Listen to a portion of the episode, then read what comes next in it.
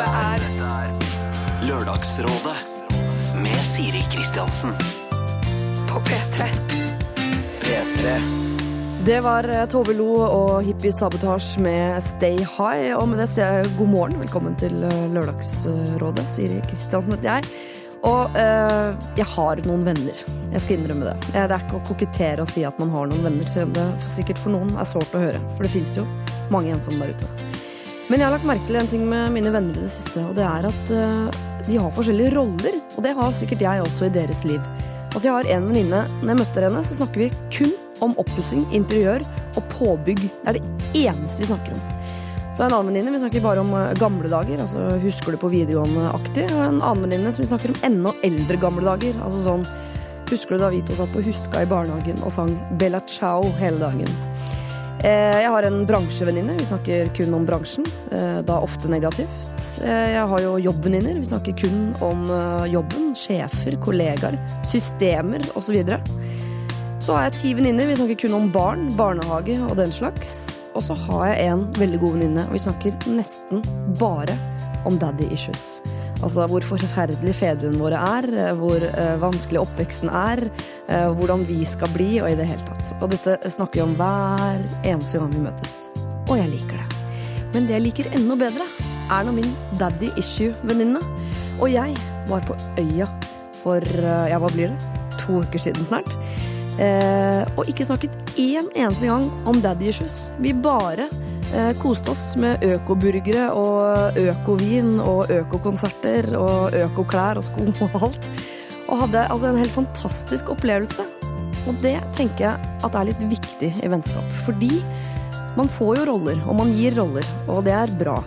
Eh, Men det er så deilig å bryte ut av det noen ganger, så ikke man blir lei, rett og slett. Vi skal hjelpe en jente nå ganske snart, nemlig, som har blitt en evig klagemur for alle sine venninner. De kommer til henne alltid med ting som er gærent. Og det har sikkert blitt sånn, for hun er flink til å lytte og flink til å gi råd, og det kan man jo kjenne seg igjen i, men på sikt så har man bare lyst til å gå og se Robin og spise økoburger. Vi skal se om vi kan hjelpe henne ut av denne klagemurbåsen. Hun har blitt eh, jeg vet ikke om hun blitt tvunget inn dit, eller om hun har blitt leid, men hun står i hvert fall her innerst i et hjørne med døra ganske godt lukket igjen. Og det er vår oppgave å åpne den i dag. Men jeg skal vente til rådgiverne kommer, og det er ikke så lenge til. Jeg anslår en eh, gode ti minutter, ja. Vi skal først et steg tilbake og se hvordan det har gått med en av de som har fått råd tidligere her i Lørdagsrådet. Det får du høre rett etter Kanye West. Dette her er Stronger. Lørdagsrådet På P3. P3. Kanye West altså, og hans eh, Stronger fikk du der i Lørdagsrådet. Og som sagt så skal vi eh, se oss litt bakover. Og det er ikke bare et kvarter heller, vi skal et helt år tilbake i tid. For da eh, fikk vi brev, eller e-post, da, fra en som heter eh, Erik, eller han kalte seg i hvert fall Erik, som var lei av at moren hans maste noe så inn i granskauen om hva han skulle bli når han ble stor.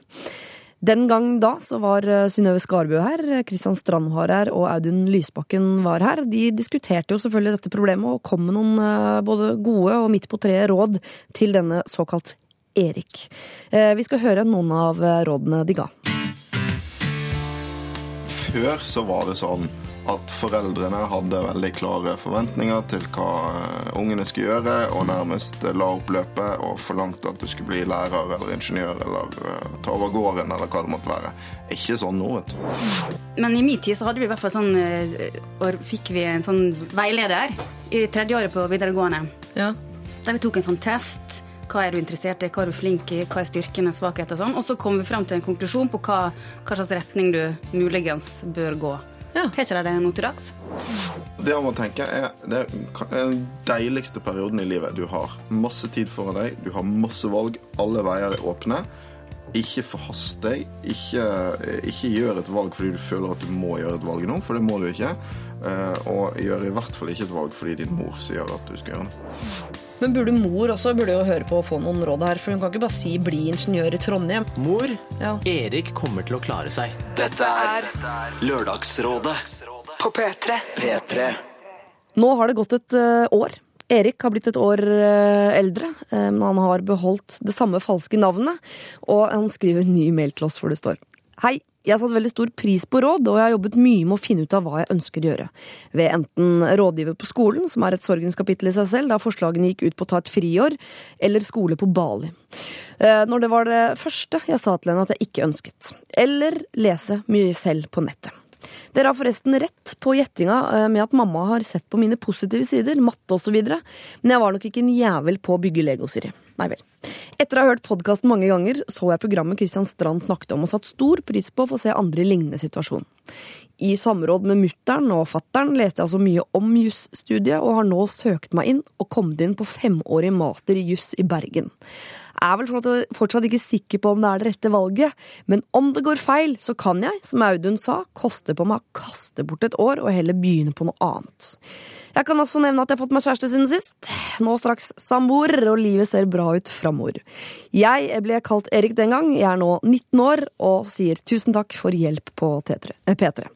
Eh, var det hyggelig, Erik, nå 19 år, og ja, kast bort et år på juss i Bergen, da. Det er jo koselig å bo i Bergen uansett. Men det viktigste av alt, du har fått deg dame. Jeg syns det er koselig. P3. Dette er P3. Happy Little Pill har vi hørt, og før det også Do It Again med Røyksopp og Robin. Og i løpet av de to låtene der så har rådgiverne funnet hver sin eh, stol. På min venstre side blir det vel eh, Ken Vasenius Nilsen. Hallo! God morgen. God morgen. Du har en tendens til å alltid være rådgiver her i Lørdagsrådet sammen med enten Synnøve Skarbø eller Line Verndal. Ja, det er helt riktig. Og i dag har du fått begge to. Eh, ja. Det er jo en velsignelse, rett og slett. Ja. Er det en avtale du har gjort med vår Ja, eh, det er en avtale jeg har gjort med din booker, å Ja. ha én av disse uh, hver gang jeg er her. Uh, og, uh, og det har jeg fått. Eh, så såpass heldig er jeg. Hva er den langsiktige planen med dette? Jeg tenker bare kortsiktig når jeg legger planer, Fordi da er det lettere å følge dem. Da blir man aldri skuffa. Nei, det er riktig. God morgen, Line Verndal og Synnøve Skarbø også. Hei, hei, god morgen. Syns dere, har dere begynt, syns dere det er rart at Ken alltid er her? Jeg, jeg visste ikke at du også hadde hatt den. Jo, jeg har det. Vi har hatt det begge to. mange ganger? Er det Er det skilsmissebarn mer enn én gang, eller hva? Eh, det, ha, det er bare én, tror jeg. Er det ikke Ja, det? En hver. Jeg tror bare det Ja, er det er kanskje. Ja. Men har dere vært der samtidig? Ja, også, Line det har vi. Ja. Ja. Fy fader. Nå er, Så her er det en troika som uh, Festen er komplett. Jeg syns fortsatt, i og med at vi befinner oss i august, så er det lov å spørre hva folk har gjort i sommer. Mm. Uh, jeg begynner med Synnøve. Ja, du. Må bare tar det sånn. Nå kommer det en lengre utredning. Jeg, jeg, lang historie kort. Jeg har vært på Stranda, der jeg kommer fra. Jeg har vært på Stord, og jeg har vært i Frankrike. Hva var best? Eh, nei, altså dette her er kanskje Stord, for det var barnefri helg. Ja. Mm. Dere valgte Stord når dere fikk en barnefri. Det høres mer ut som det er da vi drar til Nei, nei, nei. Det var ikke, nå misforsto du. Det var ikke partur til Stord. Det var jentetur til ei venninne av meg som bor der. Mm. Ja, det Nei da, det er vel fint, du veit. Det er fint med ferie. Men det er nå ikke ferie når du har en toåring. Nei. Det kjenner du til. Jeg syns ferien i år er den første ferien jeg syns har vært sånn grei de siste fem årene. For. Eller Line, hva med deg? Eh, Italia. Oi! Rett, ja, Roma og så eh, eh, Anzio heter det. En by sør for Roma. Ja. Veldig, veldig fint og veldig deilig, altså. Hvem drar du på ferie med? Jeg drar, jeg drar på ferie med en venninne og hennes barn. Så da har jeg med meg mitt barn. Så er vi da fire stykker som er sammen. Så leker de sammen, og så leker vi sammen. Og så har vi det hyggelig. Perfekt. Yep. Jeg elsker når puslespillet legger seg sjæl. Ken, du har kanskje sittet her på krinken og blomstra? Ja, De siste par ukene så har jeg sendt morgenradio her. Eh, Før det så var jeg en tur i Syden, og så har jeg sett eh, masse masse på fotball-VM. Hvem drar du på ferie med, egentlig? Ja, jeg drar på ferie med noen kompiser. jeg. Ja. Eh, veldig ofte. Og mamma veldig mye. jeg og mamma har vært nesten eh, over hele Europa nå. Eh, så å si. Eh, men eh, ja, nei, en- jeg syns det har vært en ganske fin sommer. Ja. Bortsett fra akkurat det med å sende morgenradio blir man litt sånn zombie av fordi det er for tidlig. Det er for tidlig. Og så har det vært for varmt. Så jeg har ikke sovet noe hele sommer. Det tar jeg igjen nå. Ja, det blir digg. Hva bringer da høsten, annet enn søvn? Mm, ja, Hva bringer høsten, da? Bringer vi litt jobbing med Jeg tror jeg skal lære meg å skrive litt TV. Eh, er vel neste planen min, tror jeg. Og har du blitt en sånn i NRK som du skal egentlig ikke noe, du skal bare Ja, ja. kurse og eh, lalle og spise Ja. wienerbrød? Ja, det har jeg drømt om siden jeg begynte i NRK. Å være i den der, altså. poolen der. Så nå er jeg der. Jeg ser meg aldri tilbake. Og du får lønn for det også? Mm, jeg Ja, ja, det faktisk. masse lønn. Utrolig nok. Masse. Masse i NRK. masse lønn. Eh, Line, det er jo ikke noe tvil om hva din høst bringer. Du skal jo danse deg Ja. gjennom den. Danse, danse, danse. danse. Tre timer hver dag holder jeg på nå. Ja. Er du god? Um, Blir det flaut liksom, å se på? eller? Eh, det blir nok flaut å se på, men uh, jeg er ikke så verst, tror jeg. Nei. Eh, jeg jobber med teknikken nå, da. Men du, det er alt jeg har tenkt må være det flaueste med å være med i Skal vi danse. Det er å spille inn denne vignetten. Hvordan var det? Ja, fader, det også Det den begynnelsen når du må liksom Ja. ta et par. Bare hint litt, eller finn på noe. Ja, det, det, ja, det kjipe er at de gjør jo det før noen Ja, av oss kan danse. Ja. Eh, men de har gjort det litt annerledes eh, greie i år. Det er litt mer Eh, humor. Ja, det er, nei, det er liksom noe sakte. De, de, har, de har filmet oss i sakte film. Oh, ja. Og det er lurt, for da, Ja, da trenger blir du ikke å kunne danse. For da kan du bare slenge på hodet i sakte film, og så ser det kult ut. Men måtte Så, du dikte sjøl, eller fikk du koreografi? Jeg fikk noe koreografi, men oh, ja. det klarte jeg jo ikke, så jeg måtte improvisere isteden. Oh, sånn. noe så pinlig foran en sånn blå vegg. Eh, Nei, ja, nei, vi var på et sånt stort slott i Budapest og sånt. Det var helt superfint. Altså. Det er der Det er det er der det er der det er. det er. Der. TV 2. Vi stikker til Budapest Ja. og danser litt. Ja. For en høst. Det, vi festa mye òg. Det var veldig gøy. Hadde det kjempegøy. Er det Budapest der sånn at man bader? Varmt vann? Eh, ja, det gjorde vi ikke, men det er det. Er det. Det er der, ja. Ja. Eh, hva med deg, Synnøve? Nei, jeg har ikke noe sånn veldig spennende å fortelle. Du snakker om høsten, sant? Ja. Nei, jeg skal nå jobbe litt her og litt der. Litt produksjonsselskap og Litt sånn rundt. Får vi se deg noe mer på Tørnquist, eller? Ja, det håper jeg. Du er knapp Skulle ønske du skulle være med i Skal vi danse? Ja. Ja. Er du en av de som helt åpent innrømmer det? ja jeg har kjempelyst. Mm. Det pleier alltid å være med sånn underdog fra NRK. Det er mitt kort. Jeg kan si fra, jeg kan si fra, jeg, også, til de som kaster. Skal jeg gjøre det? Jeg kan gjøre det. Ja. Eller for å si sånn, jeg har sagt fra til de som kaster. Ja. Ja. Ja da. Så jeg vil har ikke ha spurt like. Nei, vi ikke ha med. Veiet funnet for lett, tung, alt dette sånn. Ja. Men du har også lyst, Siri? Jeg har bare lyst til å bli tynn, jeg. Ja. Og Det det blir du. der er veien å gå.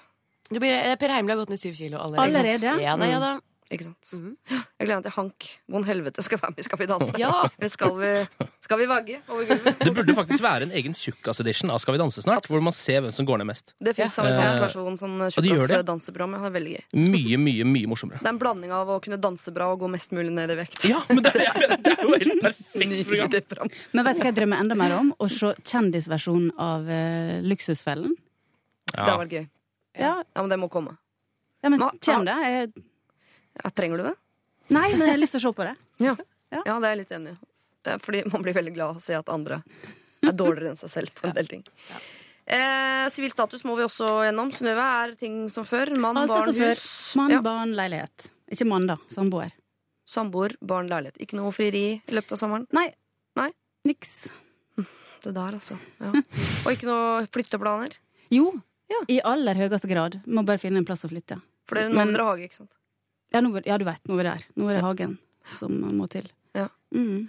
Line, Ja. du truffet noen ny mann. Nei, jeg driver og kliner litt rundt, men Ja. eh, det er ikke noe her det oppstått Har du klina med noen Skal vi danse? Eh, Nei, det har jeg ikke gjort. Har du klina med noen kjendiser? I sommer? Eh, ja. Hvem da? Oi. Nei, jeg vil jeg ikke Skånmen? si. Jeg kan ikke si Kristian Skånen? Nei, Nei, han, han er jo gift. Ja, Ja, det er jo samme for meg. Christian Borch. Jeg bare hiver ut her, er det ikke det?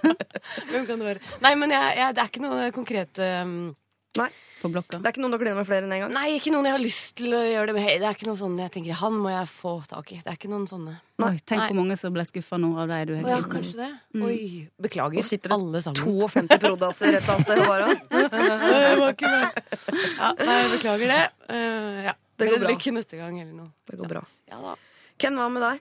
Ja, jeg har, jeg har holdt på har med en jo- sommerflørt. Ja, nei, men du er- Eh, ja, jeg har det. Ja, Er jeg er det sant? at du skal få deg kjæreste. Ja, du er det. Ja. Men du, er det? Ken, la meg først spørre. Er det samme som du hadde sist gang vi møttes? Ja, ja, ja, ja, ja, ja. ja, men det har nå vart et års tid, har ikke det? Nei da, det har ikke det. Det har vart siden starten av sommeren en gang. Um, Å, bare så ferskt, ja. ja da. Mm. Så nå er det liksom Nå får vi se, da, eh, hva som skjer videre. Liker du både å prate med henne og ligge med henne? Ja, Ja, men da er det, da er det noe det er bare å kjøre på.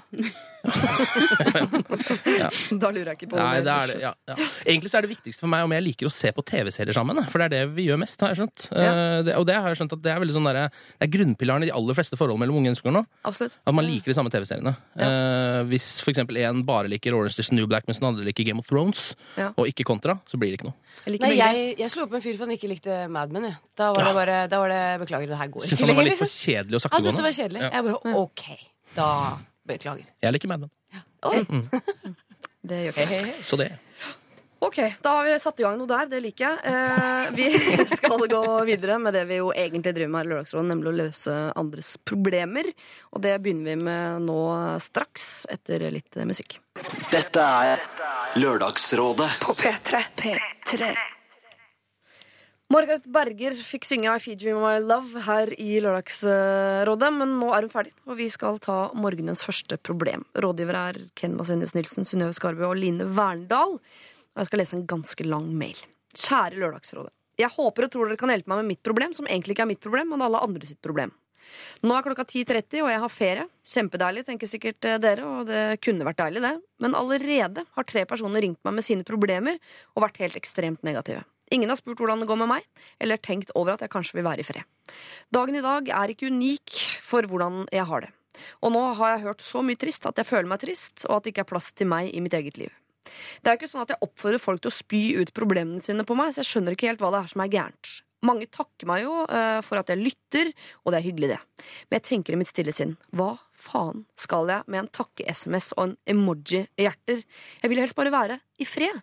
Og så får jeg dårlig samvittighet, fordi jeg vil være i fred og føle meg som en dårlig person. Jeg har gang på gang eh, Nå scroller jeg, ikke sant. Da hopper jeg ut av mailen. Det beklager jeg. Har gang på gang sagt til folk at jeg ikke er psykolog, og de burde skaffe seg en om de har behov for å snakke med noen. Det er jo ikke sånn at jeg ikke vil stille opp for vennene mine, men det blir litt voldsomt når folk ringer og sender meldinger hele tiden til de får tak i meg for å snakke om seg selv. Ofte ender de opp med at de snakker om sitt og føler seg bedre, mens jeg sitter igjen sliten. Nå har det blitt så ille at jeg unngår folk, og jeg vet, eh, jeg vil, for jeg vet de bare vil bruke meg som en søppelbøtte, og det gir meg jo dårlig samvittighet. Noen av disse menneskene er folk som jeg ikke kan unngå, fordi jeg ser dem daglig, og noen er i familien. Vi har i tillegg mye felles bekjente, så jeg kan ikke bare kutte dem ut, selv om det, litt, eh, selv om det er noe jeg har prøvd litt etter litt. Og jeg er helt avhengig av at vi har en ok tone. Jeg har vært utbrent før, og nå er jeg veldig redd for å bli det igjen. Ironisk nok ikke pga. vennene mine sine problemer, men pga. andre sine problemer, som de gjør til mine problemer. At jeg har vært utbrent og til og med vært sykemeldt pga. det, er noe jeg har vært åpen om. Kjære Lørdagsrådet, hva skal jeg gjøre? Hilsen sliten. Forstår du? Altså, hun har blitt hun Ja. venninna som alle ringer til for å klage. Mm. Hva, hvordan kom man seg ut av den båsen der? Men, men hun sier jo fra at hun ikke vil være Hun vil jo ikke. Hvorfor, eh, det det, syns jeg er rart at folk kommer og prater med henne når de vet at hun egentlig ikke er interessert i oss. Og at hun har vært utbrent. Ja. Ja, jeg tenker er at det, de, hun kanskje ikke har sagt fra til dem. At når Nei. de ringer, så bare gir hun som vanlig de gode Mm. rådene sine og lytter og håper at denne gangen spør de på slutten av samtalen hvordan det går med meg. Og tydeligvis en, sånn, en ganske åpen person, eh, som er liksom veldig eh, ute med sine ting hele tiden. Eh, og da blir man jo fort en sånn person, fordi man på en måte tar ned det der lille skjoldet man har foran seg. Eh, når man er såpass sånn åpen og ærlig om sine egne problemer. Så folk får vel en sånn, sånn De føler at de kan komme til deg med alt, da. Eh, og det er jo egentlig en veldig bra egenskap. Men Ja, jeg det høres jo jæskla slitsomt ut òg. Ja, men hvis vi skal se positivt på det, da, så er jo i hvert fall det er en enorm tillitserklæring at alle vil gå til henne og få hjelp. Mm. Eh, men eh, jeg tror jeg ville slutta å ta telefonen. Ikke for, ikke for godt, nei, nei, nei. Men Ikke for godt. Det, halvparten av tida, halvparten av tida for hun veit Og bare eh, sakte, men sikkert fade litt ut i den uh, sykesøsterrolla. Mm. Men kan hun prøve å snu det, at hun kommer dem i forkjøpet? da? At hun enten ringer og spør om, eh, eller forteller om sitt liv, eller at hun ringer og starter samtalen med å snakke om noe gøy. Fordi det er jo veldig lett at man går inn i sånne mønstre med eh, vennene sine. Jeg også har venninner som vil snakke bare om liksom, Dritt. fortid og tristhet og daddy issues og alt- som er forferdelig i livet. Og så glemmer sånn fa- Kan vi ikke bare danse eller ha det gøy eller snakke om hyggelige ting? Ja. Men noen, hun kan jo snu. Hun kan ikke bare sitte og vente på at de rundt skal Ja, for Det virker jo som hun faktisk hører på dem og følger det opp og gjør alt det de forventer av henne, selv om hun egentlig er drittlei. Ja. Eh, det er jo Hun er utad verdens beste venn, egentlig, Ja, ja, ja. og så er hun innad ganske lei. Jeg hadde en periode hvor jeg var sånn eh, Jeg hadde alltid venninner som hadde store problemer. Så var jeg hun som de snakket med om alt. Men Ja. jeg syns jo egentlig det var ganske greit, da. Eh, og så var jeg en periode hvor jeg ble litt sånn selvopptatt skuespiller, så jeg begynte å snakke om meg selv tilbake Ja. istedenfor. Eh, og det likte de skikkelig dårlig. Da ga de seg. Ja, da ga de seg. Ja, da syntes de jeg var skikkelig selvopptatt. Så jeg var sånn, Å, fy søren, hva har skjedd med deg? Men har du stabilisert seg? Det har stabilisert seg. Nå Ja. er, det, nå er jeg blitt voksen, så nå er det litt annerledes. Sånn er det sånn gi og ta Ja. Ja, Det kommer vel ikke helt fram her. Ja, for det kommer vel ikke helt fram her hvorvidt hun eh, tar noe særlig selv. Men det burde du kanskje begynne med. da. Man har sikkert, hun har sikkert noen problemer òg, så man kan Ja. lufte litt med de. Ja, Hun er i ferd med å bli utbrent. Ja, Ja, ta opp det, ta opp det, for eksempel. Eh, Ja. Ja, men Det tror jeg kan være lurt, fordi da vil jo den andre personen også høre litt på og kjenne litt på dette selv. Å ja, stemmer det, jeg må, nå må jeg begynne å forholde meg til hennes problemer. Er det Ja. sånn det funker for henne? Ja. Eh, og så vil man kanskje da skjønne at eh, man ikke kan holde på med dette hele tiden. Det er nok smart sånn som du sier, Siri, å være rask på labben og bare gå rett på sak med sine egne problemer først. Eller rett, bare Mm. fortelle om seg sjøl. Ja. Og så avslutte med 'du, da'. Og Ja. da, hvis de har kjærlighetssorg, så må de nå få lov å snakke om det. Absolutt. Men Men, eh, da har nå kanskje pipa fått en litt annen lyd. Men tror du ikke også at hun savner å bare ha det litt sånn gøy med vennene sine? At ikke det alltid skal sånn eh, På fest da, så tipper jeg at hun her er hun som da kommer dit, har tatt på seg danseskoa, men blir sittende i, i en skinnsofa med en eller annen som har lagt seg på skulderen hennes for å fortelle om uh, Glenn, uh, som ikke Mm, ringer mm. lenger. Mm. Og det er jo, uh, det er jo utrolig kjedelig på sikt. Mm. For hun vil sikkert også inn på kjøkkenet og snakke om doggystyle. Er det det måten Jeg tror det er ofte Ja, det man snakker om på man snakker kjøkkenet. Eller danse, eller du vet, flørte, eller ikke bare Mm. sitte her og ta imot dritt. Men på sånne fester så må du bare henge deg på de som er morsomme. Ja. Ja. Det gjør jeg ofte. Det er bare de, som, de som svinser rundt og er litt fulle og har det kjempe, kjempegøy.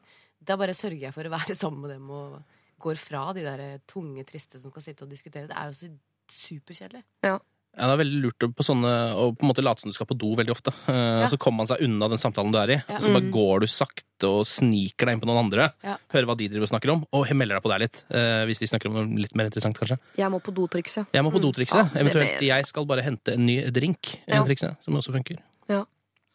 Så kynisk må være. At man rett og slett innimellom må forlate. For hun her føler sikkert et kjempeansvar, for hun har fått den rollen. Hun må ikke være tilgjengelig hele Nei. tida. Nei. Det gjør hun ikke til et grusomt menneske om hun bruker do-trikset og, og danser litt isteden. Men det er vanskelig å si til en venninne som bare 'Å, gå, hei, jeg har det så fælt, du kan ikke prate' liksom si liksom 'Nei, vet du hva, jeg orker ikke å prate med Nei, det går sånn å si det. Nei, det er da man sier 'vet du hva, jeg må på do'. Ja, ja. Ja, jeg gleder meg til å snakke mer om Det Gå går for sånn å flagge det litt sånn tidlig på festen hvis han kommer inn der og bare sier det litt sånn foran alle. Bare sånn, I dag gidder ikke jeg å snakke om noe trist, for jeg er litt sånn, jeg vil bare ha det gøy i dag. Mm. Eh, og så bare woohoo, få på noe uh, Iggy Celia og eh, et par kjappe Kjappe sider. Som er problemet der. Da. Går der rundt med selvmordstanker, så kan du på en måte ikke si at du kan ikke ta do, kan ikke ta dofinter da. Men, men hvis det er noe som har vedvart lenge, så er det sånn til slutt en vakker dag så må du bare si sånn OK, du, nå har du hatt kjærlighetssorg i et halvt år. Nå må du videre. Kan man si ifra til et halvt år allerede? Om, om Ja, kan, et kjærlighetssorg, ja. spinnvill, ja. ja. Hvor lenge er pleier du dere å ha kjærlighetssorg? kanskje, men kjærlighetssorg. Så. Kjærlighetssorg, det, ja, et halvt år, ikke det liksom grensa? Varer kjærlighetssorg lenger enn et halvt år? Jeg har aldri- hørt to år, jeg. Jeg har tre. Nei, Ja, ja, ja. Ja. stakkars Så hadde dere. du kjærlighetssorg i tre år? Tre år. Tre kvarter. ja. Ja, det var grusomt. Det er lenge. Men et Oi. halvt år, da føler jeg at da, det kan han få lov å få. Ja, for jeg, jeg bare innbiller meg at det er mange av de vennene rundt henne som er litt sånn sutrete. Ja. Og sutrete folk trenger innimellom en som sier sånn Vet du hva, det stopp. Stopp en halv. Nå må vi holde opp. Nå må vi snakke, nå må vi få på noe Ayanapa-stemning her, og, slutte å sutre. Skumparty. Ja, men virkelig. Sånn, kanskje man må ta det helt ut, altså danskebåten-style, og så tilbake igjen, bare for å normalisere Ja. uh, stemninga.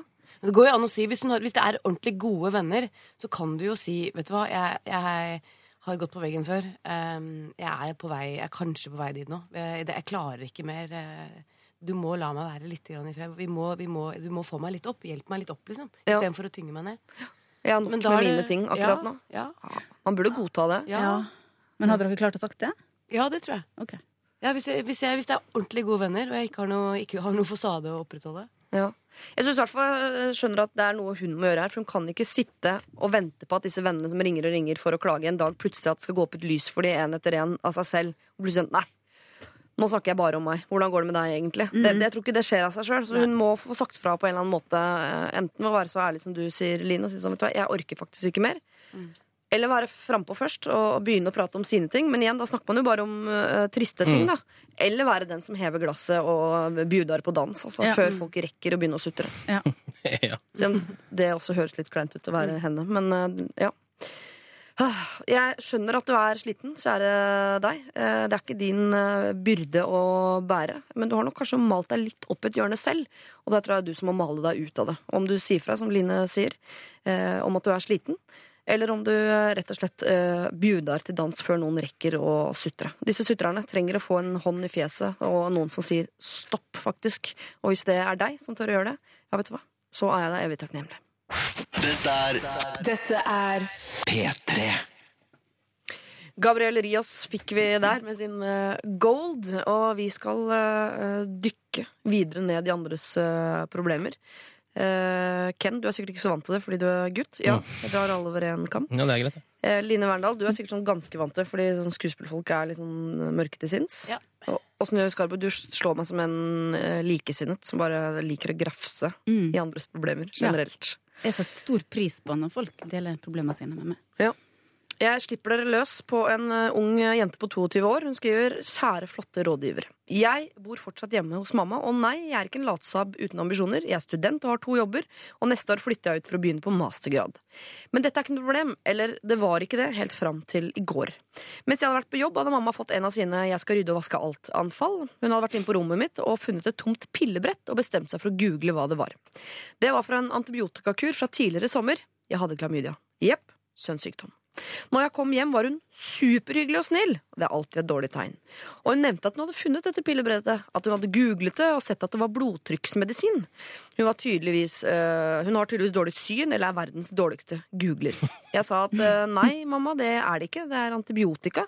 Hvorfor det? Jeg hadde en infeksjon. Hva da? Klamydia? Æsj! Hun mente at eh, hun hadde all verdens rett til å google mine medisiner, og sa at sånt må du si fra om, vi deler jo tross alt bad. Mamma, det smitter ikke sånn. Du får ikke klamydia fra et dosete. Jeg mener jeg omtrent fortjener en premie. Jeg er 22 år, og jeg har aldri vært gravid. Jeg har aldri hatt en sønnssykdom før dette. Mitt mål i livet er ikke å bli glamourmodell, men forsker. Har jeg rett til å være fornærmet, eller er det sånn at ettersom jeg bor under hennes tak, så må jeg fortelle alt som skjer med meg og kroppen min? Det er jo ikke sånn at jeg kunne ha smittet henne på noe som helst eh, måte. Stemninga har vært sur siden, og hun nekter å si unnskyld, selv etter at jeg sa ifra at jeg følte at hun gikk over streken. Hilsen Klamydia-jenta 22. Klamydia-jenta. Ikke bruk det navnet sånn mye ellers. Det er greit nå, men slutt med det. Eh, har mamma rett til eh, å gå inn i- og rote i tingene hennes, for det første? Nei. Nei. To Jeg er har- én ja. Ja, jeg hadde gjort eh, helt klart det samme. Ja. Jeg hadde, men jeg synes det var rarere, enda rarere at hun sa at det var klamydia. Hadde hun dikta på opp et eller annet. Når hun har vært så åpen, så syns jeg på en måte at det, da Det er ikke noe Nå er hun jo ikke åpen, det er jo noen som bare har grafsa i tingene hennes og kommet og Ja, men lå ikke det framme, da? Det lå ikke nedpakka, dette her brettet, gjorde det? Nei, hun hadde funnet det. Jeg vet ikke Ja. om det da lå på nattbordet eller nederst i en søppelkasse eller Det syns jeg er ei mors rett. Ja. Ja. Uh, du sa nei, Line. Ja, jeg, jeg er opp, oppvokst med at du ikke åpner andres post, og du titter ikke på andres telefoner, og du eh, snoker ikke i andres ting. Og det Nei. gjør ikke jeg.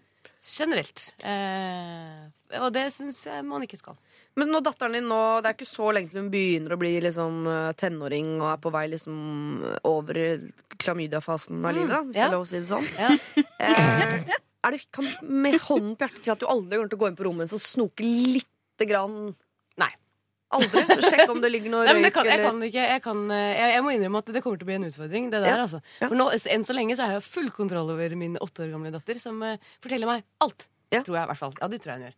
Eh, men etter hvert så blir det mer og mer hemmeligheter og mye mer, mer greier. Ja. Uh, så det, jeg kommer- det kommer til å bli Så jeg, jeg syns det er litt vanskelig, må jeg innrømme. Men jeg, jeg tror jeg kommer til å Jeg vil være et menneske som ikke grafser i hennes ting. Jeg må prøve å Jeg syns uansett at grensa går ved 22 år. Eh, kanskje før det òg. At det er liksom, da er du så gammel at da kan ikke mora di gå og grafse i tingene dine lenger. Hadde det vært snakk om en eh, tolvåring, mm. hadde jeg kanskje skjønt det litt mer. Men hvor går grensa for øh, at man skal bry seg om barna sine? Jeg tenker sånn, uh, Hun har ikke gått inn der for å, hun gikk inn for å rydde og fant et pillebrett. Og jeg må Mm. si, uansett om sønnen min bor hjemme når han er 36, gud forby, uh, og jeg går inn på rommet hans for å rydde, som jeg helt sikkert kommer til å, å gjøre, yeah. Mm. og jeg finner et pillebrett, så kommer jeg også til å google det, fordi jeg er Mm. bekymret for om Det er narkotika. Eh, ja, er du blitt narkoman, eller har du, eh, har du hjerteproblemer, eller hva er Ja. det? Så det mener jeg, at hvis en mor finner et pillebrett og tenker sånn Ja ja, det er ikke min oppgave å snoke. Det, syns jeg ikke Jeg skjønner. Jeg synes pillebrett er hun- liksom må sjekke det. Ja, da blir man jo litt sånn bekymra. Hva kan det her være? Mm. Ja. Men, men reaksjonen på klamydia æsj! Den, den er voksen. Den er liksom Å, det kan jo smitte! Liksom Begynner å tenke på seg selv istedenfor å tenke på datteren sin. Det var veldig underlig. Ja, men burde jo helt klart google mer i livet sitt, til denne moren. Både Ja. eh, så hun Ja. får googlet seg fram til at klamydia ikke smitter via toalettsettet osv. Mm. Men jeg syns dette forholdet mellom de to virker såpass bra at dette her kommer til å gå seg til uansett. Ja. Det virker som det er når du kan fortelle mor di at du har klamydia, da har du et godt forhold til henne. Ja. Så dette her skal ikke hun bekymre seg for. Dette går seg til. Og så får hun rydde litt bedre neste gang, da. Men hvis du hadde blitt tatt sånn helt Hvis, jeg, øh, hvis moren din hadde satt, sitter rett overfor deg på bordet og sånn Jeg har funnet øh, øh, hjertemedisiner på rommet ditt. Hadde du klart å komme opp med en annen sånn, en ljugehistorie på hva det pillebrettet var? Eh, ja, det hadde jeg helt sikkert klart. Oi, Hva hadde du sagt at det var, da? Uh, jeg har hatt influensa. Ja, ok. Det er kanskje så ekkelt, da. Enkelt. Ja. Hvorfor Jeg tror jeg fortalte du ikke henne om det, da? Hvis jeg er mamma nå. Hvorfor så, sa du ikke det til meg, da? Nei, du har ikke vært her reist Jeg har ikke opplevd at du har vært syk. Du har ikke vært så tett i nesa. Du har ikke hosta noe det? særlig. ja. Nei, men Det er ikke noe, det er lenge siden. Det var den gangen i desember. Husker ikke du det? Altså, oh, ja, du har hatt influensa i underlivet, ja. Da forstår nei, jeg det. nei, nei. nei men altså, det, er ikke, det er ikke dermed sagt at disse tablettene er akkurat blitt fortært. Det kan jo være tre år siden, for alt hun veit. Men vi har jo samme fastlege. Jeg skjønner ikke, Hun har ikke nevnt noe om at du har fått antibiotika. Og her har vi helt tydelig en som er, er, god i rollen som mor, og en som har ljugd mye for foreldrene sine. Da, Der syns jeg du var god. Ja. Men ja, hvordan, hva skal hun si til uh, moren sin, da? For det er jo dårlig stemning i huset. Skal hun uh, godta det og si 'sorry, mamma, det var ikke meningen å bli sur'? Du har all rett til å, å, å google medisinene mine. Må de ta det opp igjen da? Kan ikke bare Kan hun ikke stille bare si 'mamma, vet du hva, hvis jeg lover å fortelle deg hvis det skjer noe alvorlig med meg som du må få vite', Ja. eh, og, og vær så snill hold deg unna rommet mitt, jeg rydder selv. Og det er en grunn til at ikke jeg forteller deg de gangene jeg får kjønnssykdommer, fordi jeg merker jo hvordan reaksjonen blir. Ja, Eh, Så det ja. er like greit at ikke jeg sier det til deg. Ja. Skjønner jeg jo nå. Mer enn noen gang, Ja, Ja, egentlig. ja Jeg er faktisk. så heldig som har mor som rydder rommet. Jeg er nå 22. Høres litt digg ut. Veldig underlig, er det ikke det? Jeg, jeg, bør man gjøre det? Det bør man ikke. Jeg hvis Begynn å rydde rommet ditt selv, så slipper du jo mye av dette her. faktisk. Ja, hvis man først er ryddig, så faktisk så plages man av at det er rom i huset som er rotete, selv om Ja, det er ja, rom ja. man ikke trenger å bruke. Jeg Jeg vet. med eh, hvert ukentlig plages av at vi ikke har system i boden. Du, aktig. Så jeg skjønner det veldig godt. mm. Eh, da tror jeg vi må si til eh, klamydia-jenta A. Ikke bruk det navnet igjen. Bruk ditt eget navn. Jeg er helt sikker på at det er finere. Hvis ikke så er mora og faren din gærne. Eh, jeg tror du må godta at moren din eh, går inn på rommet ditt når du bor der. Mm. Eh, og når hun først finner noe hun blir eh, nysgjerrig på, eller som hun blir eh, redd av, så er det helt naturlig for en mor å sjekke hva det greiene der er. Men jeg syns også du skal gjøre som Line her sier. Sette deg ned og si 'jeg lover å si ifra hvis det skjer noe virkelig alvorlig galt', og vær så snill å la rommet mitt være i fred. Og så kan det jo faktisk, bare sånn preventivt, eh, på mange måter, Begynn å rydde rommet ditt. Så går ikke moren din inn Jeg trodde for du å skulle rydde si rommet 'bruk kondom', ennå, men nei. Eh, Ja, det også. Og bruk kondom. Dette er Lørdagsrådet På P3. P3. Fem fine frøkner synger hun om Gabrielle, og før det At Home, denne Crystal Fighters-låta. Jeg går rett på et nytt problem, rådgivere. Ken Vasenius Nilsen, eh, Line Verndal og Synnøve Skarbø. Det handler om å date eksen. Mm. Bare kjapp, Er det noen som har data eksen noen gang? Eh, Tatt en runde jeg har to? gått mange runder Ja. med noen. Ja. Ja, Ken? Ja, Mm. Vært bortpå eksen? Mm. Ja, ja, jeg tror det. Ja. Jeg ble litt usikker, nesten. Ja, de fleste Det er litt sånn pause, og i lag igjen. Det Ja. vet Ja. jeg ikke. Jeg? Man er ofte innom liten tur på besøk i etterkant her. Kjære, fine Lørdagsrådet. Endelig er dere tilbake. Dette har jeg ventet hele sommeren på å spørre om. Jeg er en jente på 29 år som vurderer å date eksen min igjen. Og please, ro ned litt på dømminga før dere har lest hele mailen. For spørsmålet er hvordan. Vi slo opp for syv år siden etter å ha vært sammen i fire. Hovedsakelig fordi vi var så unge. Jeg trodde det var enten baby eller breakup, verdensvant som jeg var. Begge har hatt kjæreste etter dette, men for min del er det aldri noen som har gitt meg denne Stian-følelsen. Følelsen av å være team, følelsen av å være uendelig megastolt av kjæresten min, kunne le oss gjennom hverdagen og støtte hverandre 200% Internhumor og det å bli forstått, godtatt for gode og dårlige sider. Bestevenner og kjærester. Kort fortalt, sånn jeg mener det skal føles når ting er riktig. Han er den jeg vil fortelle morsomme historier til, lage middag til når ingen egentlig har lyst, gråte for, store og bitte små, ha nedturer med og inngå kompromisser med, og som, eh, som ikke alltid er til min fordel. Jeg har venner som alltid er helt ærlige med meg. De jubler og sier 'go for it', og til og med folk i familien og moren til bestevennen min, som ikke vet hva jeg har fundert på, har kommentert at ikke du og Stian bare kan finne sammen igjen nå. Jeg tror absolutt vi hadde hatt godt av har hatt godt av de åra vekk fra hverandre, men den siste måneden har vi hengt sammen to ganger, på initiativ fra meg. Og kjemien, humoren, respekten er der fortsatt, bare i en litt mer moden form. Jeg syns også det var litt flørting under oppvaska sist vi hang ut, og han foreslo at vi skulle ta en øl etter ferien. Så hvordan skal jeg få dette over i datingsonen? Hvordan legger jeg det fram? Jeg vil jo ikke skremme han heller, og det var jo faktisk jeg som slo opp. Det var heller aldri noen grunnleggende dårlige ting med forholdet vårt. Vi bare var for unge til å slå oss til ro. Det skal sies, at det første Nei, det skal sies at det er først det siste året dette har vært et tema, og at jeg i perioden etter bruddet har gått all in i de to andre forholdene jeg har vært i, uten å sammenligne med Stian. Det handler derfor ikke om at jeg ikke treffer gutter eller dater, men at jeg har kasta bort noe som er akkurat det jeg vil ha, og som ikke har passet for meg de siste syv årene. På forhånd, tusen takk for svaret.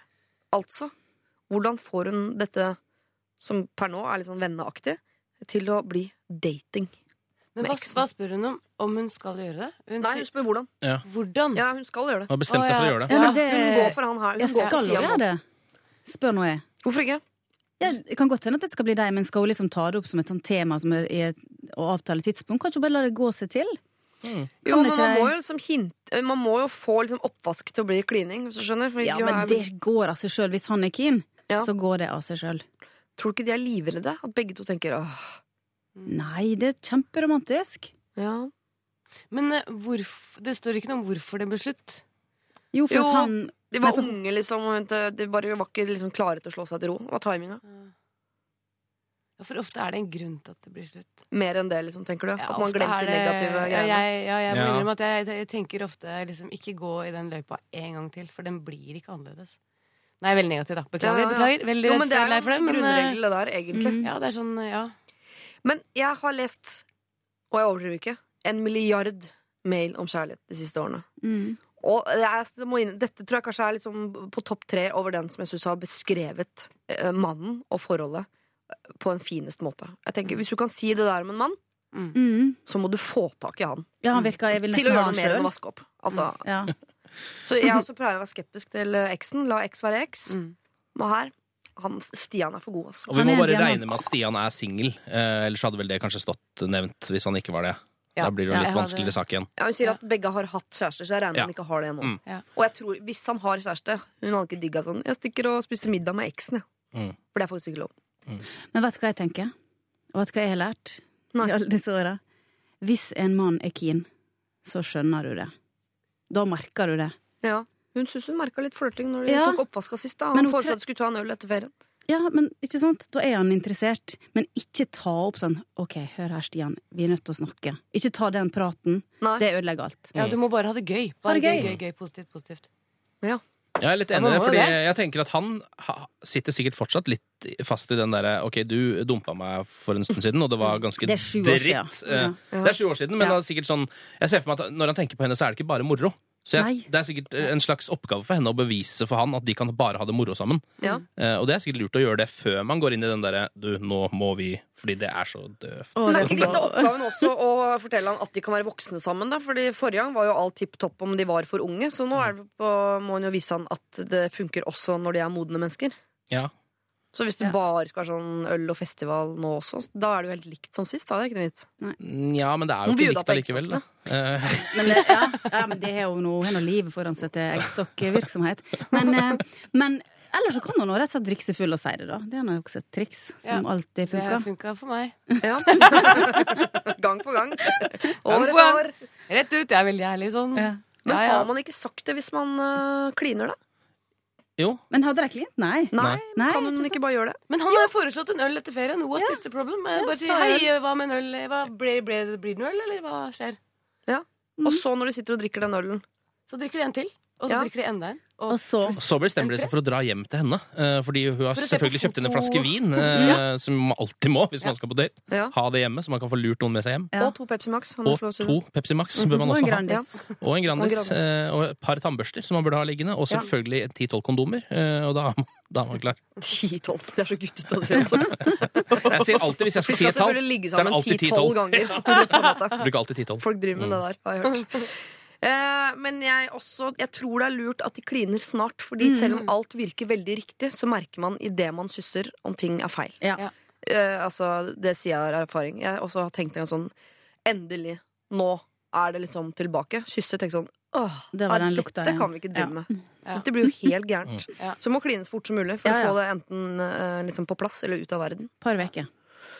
Ok, Så hun kan ringe han og eh, etterlyse den ølen han har foreslått? Ja, kan hun ikke det? Hun Jo. kan det. Jo, jo, jo. Hvis, han, hvis han ikke er keen på det, så er, så er det jo ikke noe vits Det å sier tenke ja. på Ja, ja. noen Da ting. har hun fått svaret. Ja, ja. Men han, han foreslo det jo. Det er jo Jeg foreslår at de gjør det. Tar fire øl, og Ja. så kanskje prøver å kysse han. Hvis Og da er man i det, Hvis man sitter og tar fire øl, da er man i datingsonen. Ja. ja. bare, så må du gjøre alle de jentetiksene jentene gjør, da. At de tilfeldigvis tar borti og sånn fysisk eller der. Rette på litt lapper i nakken og sånn. At du er litt for sånn fysisk. Lat som du har litt vondt i nakken. Bare sitt og Ja, ja, ja, ja. Alle de triksene. De funker alltid. Alle de triksene. Puppene har jeg gått Jeg Ja, har litt Ja. her. Har jeg, tror du jeg har en kul i denne puppen? Det er alltid det krefttrikset funker nesten alltid. Fordi det er alvor. Ja, ja, det er det. det er Men være litt fysisk, det syns jeg folk kan bli flinkere til. Litt sånn eh, Bare Ta på. holde på skulder eller uh, midt mellom kne og lår, sånn at det er liksom kameratslig, men litt på vei opp mot osv. vi Hvis du tar, hvis du tar håret vekk fra ansiktet, da Mm. Da kliner jeg med deg, i hvert fall. Men har Stian langt hår? Tror vi Stian har langt hår? Nei. Ja, det tror ikke jeg Men ikke fall for fristelsen, sånn som du gjorde for sju år siden, og klemme kvisene hans. Nei. Aldri, aldri, aldri klem kviser Det er veldig på noen andre fysisk, enn deg selv. type fysisk. oh, ja, dette er jeg helt sikker på at går eh, bra. Jeg ønsker deg lykke til. Eh, etterlys den ølen, og så eh, tar dere den ølen og kanskje noen til. eh, og du må gjerne ta det første steget mot noe mer. Klappe litt på låret, ta håret bort fra ansiktet hvis han er en langhåra fyr. Eh, og så vil vi vite hvordan det går. Er ikke dere også nysgjerrige på hvordan det går med. Stian Jo, og jo, denne mystiske kvinnen? Jo. Jeg har lyst på den Stian-følelsen, jeg òg. Er her? Og hvis det ikke funker mellom dere, så send han videre til Line, for hun har også lyst på litt Stian. eh, lykke til. Send oss en mail og fortell oss hvordan eh, det går. Eller en MMS av den ringen på fingeren.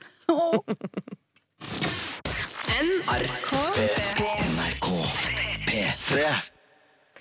Vance Joy med sin Riptide og før det Alt J med Tessellate. Og fra det skal vi over i juleproblematikk. Det føles kanskje litt tid Jeg syns dere det er slemt å snakke om jul allerede nå. Line, Snø, Det er ikke slemt. Jeg bare hadde glemt at den kom snart. Ja. Men eh, det er bare å kjøre på. Snart og snart. Er det- fem, er det fem måneder? Ja, Det er det er, det er en stund til. Er det, men gleder, er det sånn som gleder dere allerede nå? Nei. Ja. Jeg Fordi det er vanskelig, liksom? Jul, eller? Eh, Det er koselig når den Ja. først er der, liksom. Ja. Eh, og førjulstiden med kalender og sånn er jo hyggelig med barn og sånn. Ja. Men eh, det er jo ikke sånn kjempe Jeg kunne godt reist bort en jul, liksom. Jeg har ikke noe sånn må ikke. Jeg sitter i hvert fall ikke og Det er ikke sånn at jeg begynner å glede meg så tidlig som nå. Eh, Det gjør jeg ikke. Det hadde vært litt, litt sprøtt, faktisk. Men frøken Stranda her, Ja, jeg sånn, hører Kenny Rogers og Dolly Parton. Nå så får jeg lita tåre i kroken, altså. Jeg syns det er så koselig med sånn julemusikk og førjuls... Du kunne Men du tenkt er deg julemusikk hele året, faktisk. gang, og så er det Ja, nå er det, I og med at jeg har samboere, så er det annenhver jul. Mm. Du vet. Ja, Det er kjører der. Det er ikke alle kompromisser som er gode, Altså. Line, til jul så vet du om du har vunnet Skal vi danse eller ei. Ja, det vet jeg. Åh, Og det vet vi òg. Det vet eh, alle. Så du er på Ja da. events Jeg landet har tenkt på det lenger, for å si det sånn. Jeg er ferdig med det. Så danse på kjøpesenter landet, Ja, det er det landet rundt, da. Ja. Skal bli ballerina. På ja. sånn Jeg skal bli danser, faktisk. har jeg tenkt. Eh, vi tar dette juleproblemet som handler om ja, litt større ting enn jul, egentlig, spør du meg. da. Eh, her tror jeg du kanskje har litt sånn sær... Altså, tror du har litt ekstra å rutte med her, Ken. å, så deilig. Hei, jeg har opplevd tre skilsmisser på mine tre tiår. Ingen har vært mine. Jeg er lykkelig gift med barn og stasjonsvogn, men det er en annen historie med mine foreldre. De ble skilt da jeg var åtte år, og begge giftet seg igjen og fikk flere barn. Men happily ever after fikk de ikke til denne gangen heller. Min far han skilte seg på ny da jeg var rundt 20, og er nå gift for tredje gang. Og alt ser lyst ut for både eh, han og jeg skulle ønske at han møtte sin nåværende kone for 20 år siden. Mamma er nå i 50-åra. Det tror jeg ikke går så bra. I fjor sommer fant hun ut at hun ville skilles etter 20 års ekteskap. Hun ville bare ikke mer. Hun hadde funnet en ny, noe vi alle forsto, men hun fortsatt blånektet på. De møttes jo ikke før i vår. Jeg himler med øynene her.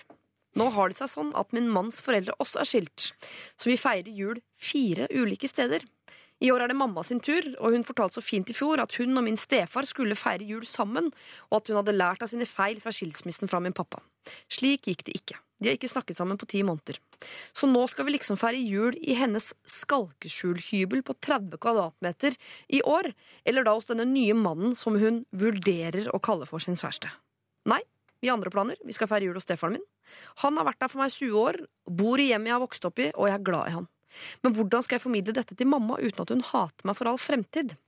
Ta med i betraktningen at hun er kald, langsint og ikke god til å uttrykke følelser. Og jeg er i grunnen usikker på om hun faktisk er glad i meg. Hun sier det i hvert fall aldri. Hilsen oppgitt voksen datter med hyggelige juleplaner. Altså, her er det mye.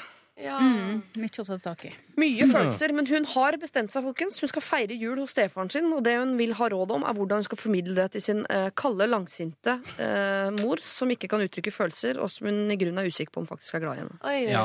Det er vel kanskje det som er hovedproblemet her, ikke jula i seg selv, kanskje. Eh, Men hun vil Det er liksom fokusere på jula nå. Ta den først. Mhm. Eh, Så kanskje det andre ordner seg etter hvert. Ja, for jeg kjenner meg jo litt igjen i det. Jeg har jo selv litt sånn uh, samme. Jeg har en uh, mor som har vært gift et par ganger, og en far som har vært gift et par ganger. Mm. Ikke med hverandre, uh, men på hver sin front. Var de aldri gift først? de? Nei, de var aldri gift, Nei. men de var jo sammen lenge, da. Ja. For så vidt. Men ehm, så jeg har også hatt litt sånn eh, at hver jul så er det en helt ny rebus som må gå opp, nesten. da, Ikke hver jul, men det, blir, det føles litt sånn noen ganger. Ja. Um, og jeg har faktisk vært litt streng der, at jeg, og det har de skjønt litt. For de har skjønt at det er deres rot, ikke mitt rot, kanskje. Mm. På en eller annen måte, Så jeg har fått lov til å bare velge litt sånn fritt. Jeg. I år drar jeg dit. Uh, jeg gjør det med dere. For det er den enkleste situasjonen for meg å behandle akkurat nå. Mm. Uh, og neste år så får vi se hva som skjer da. Eh, på en måte. Eh, og der, men de har veldig forståelse for det. da. Det virker jo ikke som den forståelsen er her, spesielt ikke hos mor. Da blir det litt vanskeligere igjen. Ja, fordi det man risikerer her, er at mor blir sittende igjen alene på 30 kvadratmeter, eller da eh, alene med den nye kjæresten. Ja. Ja. Det er Ja. ikke det godt nok, da? Det er Er ikke det superfint å være aleine med kjæresten sin på julaften? Hvis du er nyforelska? Jo, jo. Det kan jo hende, det, da. Men det virker jo ikke som de har noe kommunikasjon på det. Eh, at Det virker ikke som dattera liksom har Hun nekter jo for at hun har Den nye kjæresten er vel Ja. Det var overlapping, er vel kanskje det hun nekter for? ikke Ja, ja, jo. Mm. Jeg synes det er rart at hun vil feire jul hjemme med seg sjøl når hun har unger. Det har ikke noe med Ja. saken å gjøre, egentlig. Men eh, Nei, men Det er ofte den beste løsningen. Ja, sånn, fuck ja. you all, vi blir hjemme med ungene. Hvis noen Ja. vil komme, så er døra åpen. ja, Ja. riktig. Ja. Men OK, hun skal feire med Stefan. Vet du hva? Jeg tror jeg ville skylda på disse 30 kvadratene. mm. Det er ikke plass til hele stasjonsvognfamilien inni der.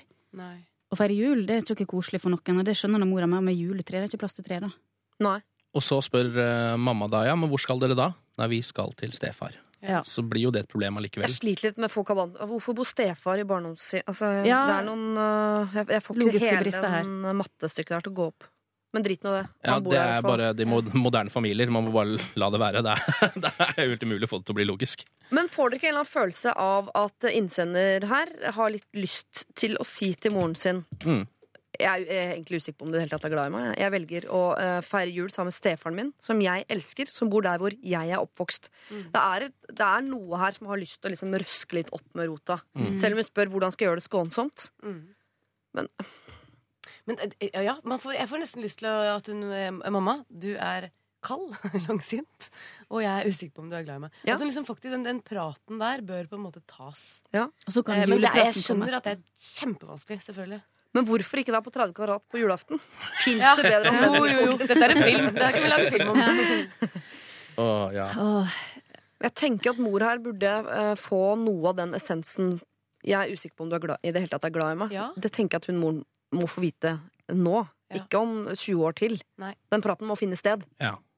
Og det er, som sagt, vi har sagt at det er fem måneder til jul. Det er, eh, det er masse tid. mm. ja, det kan jo være mulig å ta den nå, selvfølgelig. Um, og da i hvert fall ha eh, den ut av verden før julaften. Mm. Um, og da kan det jo hende dere har lyst til å feire julaften sammen også, hvis dere har snakka litt om det på forhånd. Ja. Uh, men herregud, hvem er det som vil ringe hjem til mora si og si det der, da? Jeg er, hadde ikke gjort det, Og vet du hva? Nå har jeg fått mattestykket til å gå opp, folkens. Ja. Dette er uproft av meg, altså. Men stefar er jo da denne mannen som mor nettopp har gått fra. Ja. Ja. Som hun kanskje har overlappa. Mm. Der ligger jo noe sårt også. Mm. For hvem tenker du på da? for mora. At Ja. du velger bort meg Ja, for han mannen. Men Som har jeg ikke de vært gift i årevis, da? 20 år. 20. Ja, ikke sant? Det er jo pappaen hennes, nesten. Eller, ikke sant? Det er jo i hvert fall en hun har hatt i livet sitt lenge. mm. Ja. Det må hun jo skjønne. Du, må, man må bare si til moren eh, Vi har bestemt at vi feirer jul hos stefaren min. Mm. Ja. Og så hvis det blir rabalder ut av det, så får du bare ta, ta neste runde på Mamma, det er, det er vanskelig for meg å nå fram til deg, liksom. Jeg syns du er- jeg syns det er vanskelig å, å kommunisere med deg. Ja. Jeg syns du er kald. Eh, du sier aldri at du er glad i meg. Eh, hvorfor skal jeg Ikke sant? Du må, du, eller i, hvis du da først har tatt den første 'sånn blir det', hvis det da blir trøbbel, så må du gå videre Mm. og dypere. For jeg tenker Det å si 'vi skal feire jul hos stefar', det er på en måte å si A, og da kommer mor til å be om B. Mm. Hvorfor det? Og da er vi i gang. Jeg tror det der er den, Mm. det slaget i ansiktet som gjør vondt eh, for mor, men som kanskje kan være greit i forhold til å få nøsta opp i hvorfor ting er som det er. Mm. Hmm. Hun, hun har jo ikke engang innrømmet Hun er jo ikke åpen om det nye forholdet. Hun er, hun er jo veldig sånn fjern. Hun trenger å få seg en midt i trynet, hun moren. Ja. Spør du meg. Så det er bedre å ta den midt i trynet enn å gå frem og sånn ah, Vi syns det virker hyggelig for deg, mamma, at du kan få lov til å få en jul med den nye kjæresten din. At dere bare kan Mm. kose dere og slippe unger og mas og Hva er det du snakker om? Jeg har ikke noen ny kjæreste. Ja, det utsetter bare Jo, men hun problemet. Ja. Jeg er såpass eh, konfliktsky at jeg hadde tatt den. Ja. Jeg hadde aldri tatt den eller annen konfrontasjon på eh, Er ikke du glad i meg? For klart hun er det. Ja. Alle mødre er glad i ungene sine. Ja, men da må du vise det, da, mamma. Ja, ja. Si det, da. Rett inn i Ja. rollespillet igjen der. Jo, men det er derfor jeg tenker eh, Folk flest er jo som deg, Synnøve, altså konfliktsky på disse tingene her. Ja. Det er derfor jeg mener at At hun burde bare si sånn Vi feirer jul hos stefaren min i år. Da har hun egentlig bare sagt hvor de skal feire jul. Mm. Og da Men vi kan har man starta på en konflikt Altså Da har man starta på en, en samtale som man kanskje forhåpentligvis ikke kommer seg ut av. Med mindre moren er enda mer konflikt, så sier sånn OK. Mm. Ja, men da blir det koselig jul. Ja, da har- får hun feire jul der hun Mm. vil, da. Mm. Eller så må de snakke om det. Mm. Hmm. Ja, jeg lurer på om vi må gå for det. Altså, eh, Voksen datter med hyggelige juleplaner. Du skal feire jul hos stefaren din, det har vi vært enige om fra start. Og det skal du også si. Gjerne nå, så mor har litt mm. gode tips. Altså, vi kommer til å feire jul hos stefaren min, og da er det litt opp til moren din å spørre om hvorfor. Hun må gå i seg selv og tenke hvorfor velger datteren min å feire jul sammen med min eksmann? Og så er det hun som må ta den samtalen der videre. Og gjør hun ikke det? Nei, nei, så har du sluppet billig unna, da. Og jula blir hyggelig uansett, den.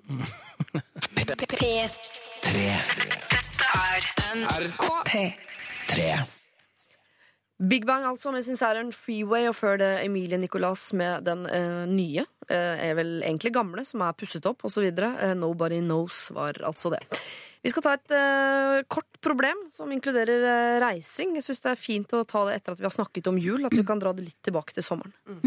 Hei, Lørdagsrådet. Jeg skal på USA-tur med tre venninner. Vi skal være borte i tre uker og skal reise litt rundt. Vi har kjøpt og betalt fly og hotell for ca. et halvt år siden. Nå er det en av venninnene som må dra hjem en uke før oss andre. Dette fortalte hun for én uke siden, altså to uker før avreise. Hvem skal betale hotellet den siste uka?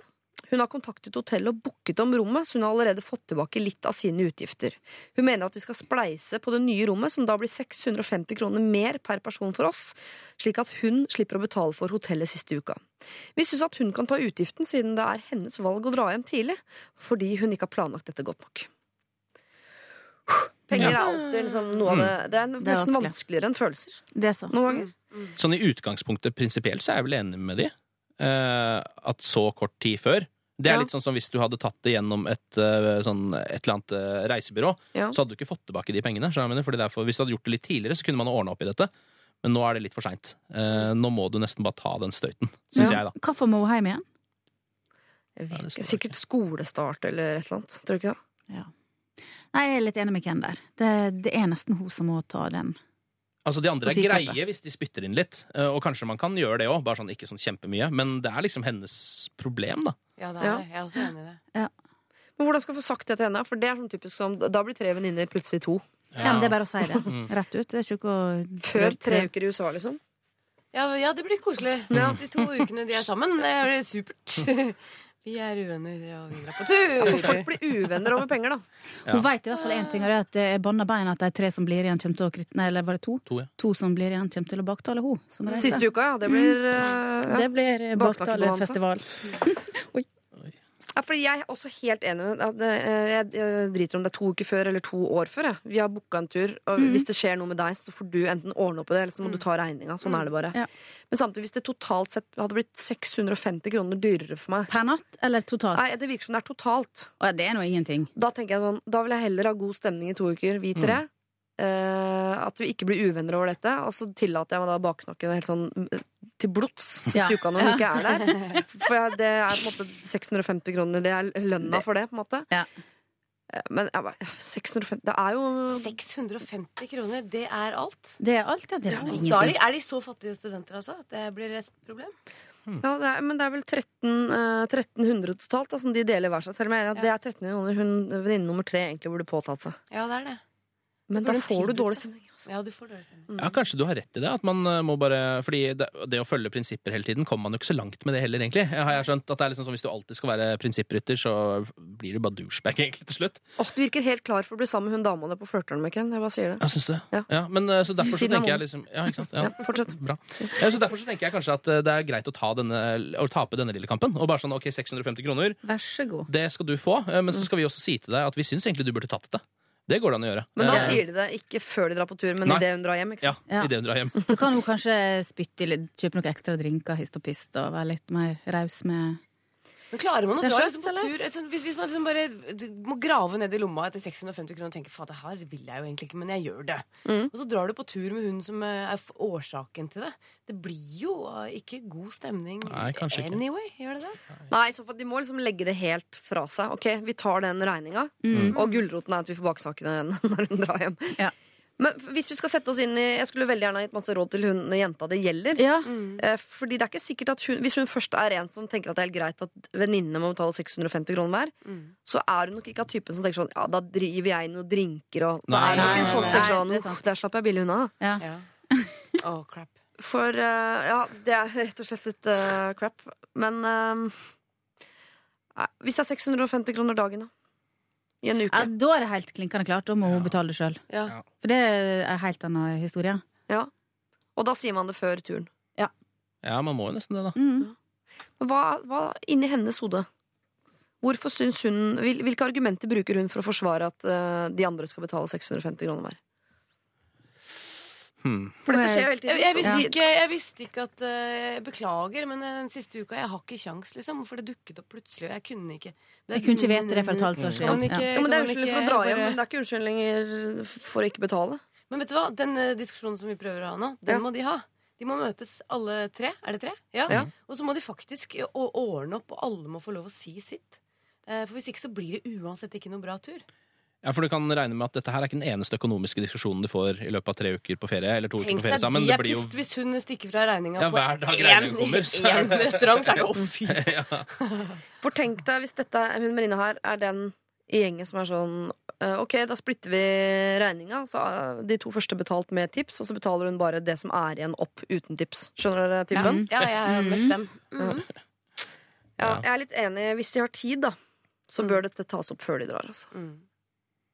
Nei, jeg vet ikke. Jeg klarer ikke å bestemme. Da Det blir risikerer altså- man jo Kanskje- veldig dårlig stemning, da. Ja, Ja. ja, blir det nå det? Kommer litt an på hvor god venninne de er. da.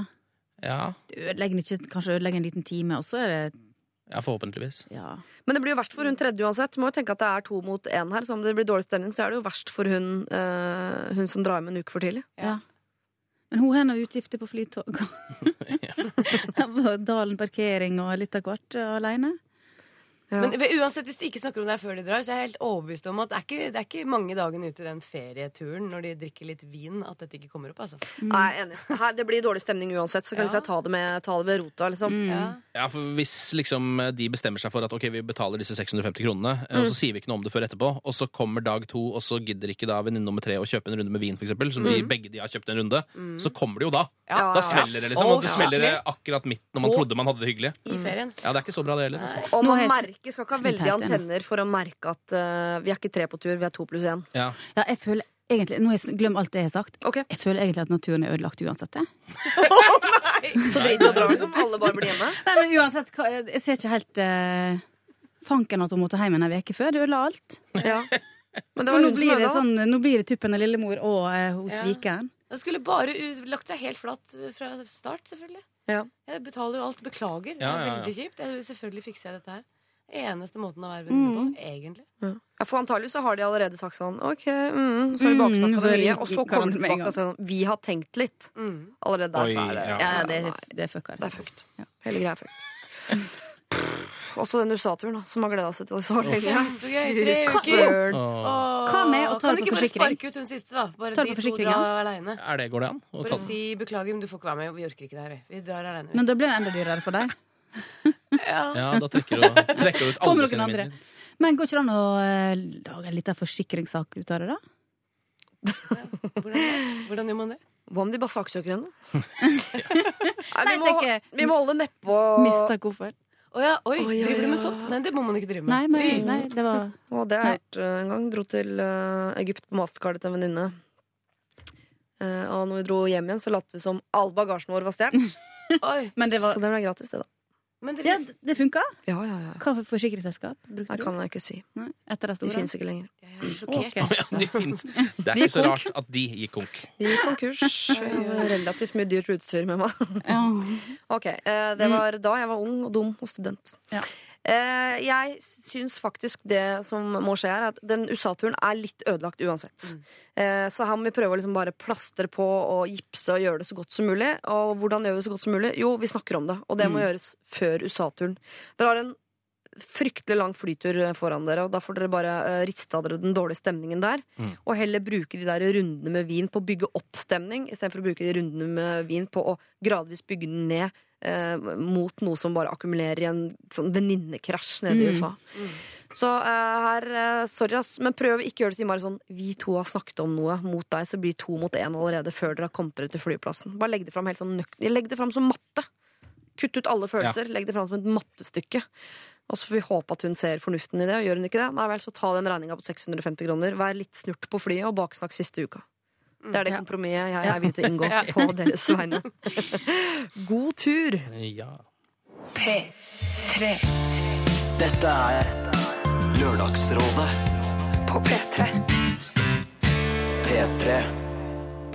TLC fikk vi et gjenhør med der, med sin eh, No Scrubs. Og jeg, dette vet jeg ikke. Jeg bare antar at jentene i TLC de er ikke venninner lenger. Er dere enige med meg? ja eh, en er vel til og med død. Ja, ok, Da er det Så da- vanskelig. Ja. Da er det fryktelig vanskelig.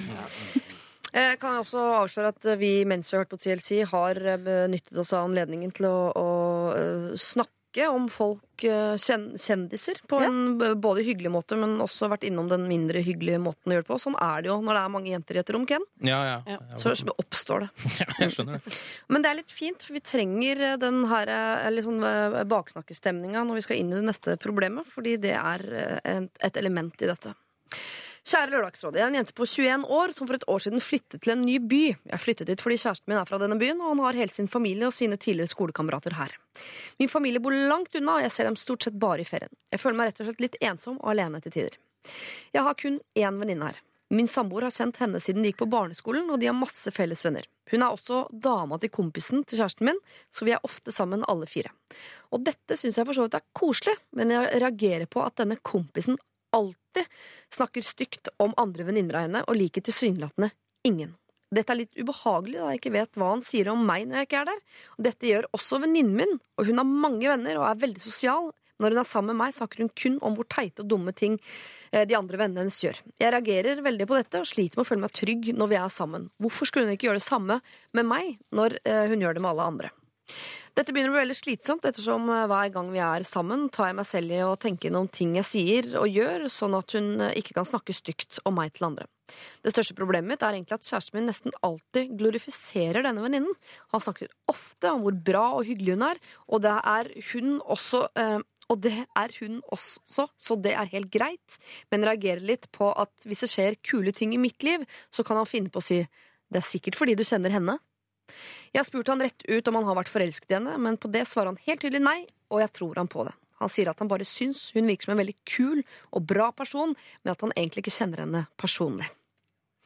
Eh, hvordan, og så kommer spørsmålet til slutt her, hvordan skal jeg få eh, han til å slutte å få meg til å føle at han prioriterer venninnen min før meg?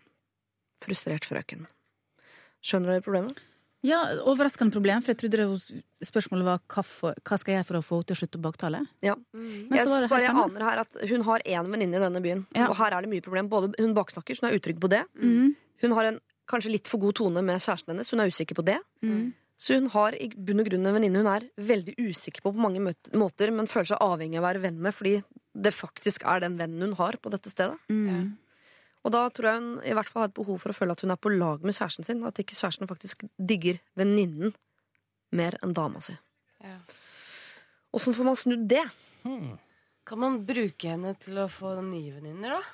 Bare henge seg på. Hun hadde jo et stort nettverk, hadde hun ikke det? Masse Mm. folk rundt. og Mm. Da kan man jo henge på lasset og så prate med de andre. Ja. Er det ikke sånn man får en større Jo, men er ikke det er alltid veldig vanskelig? Man har jo ofte vært sammen med venner av venninner av seg, og så har man ekstremt god tone, men veien derfra til å gå bak liksom, ryggen til venninnen og invitere på kaffe og sånn, føles på en eller annen måte som litt sånn utroskap.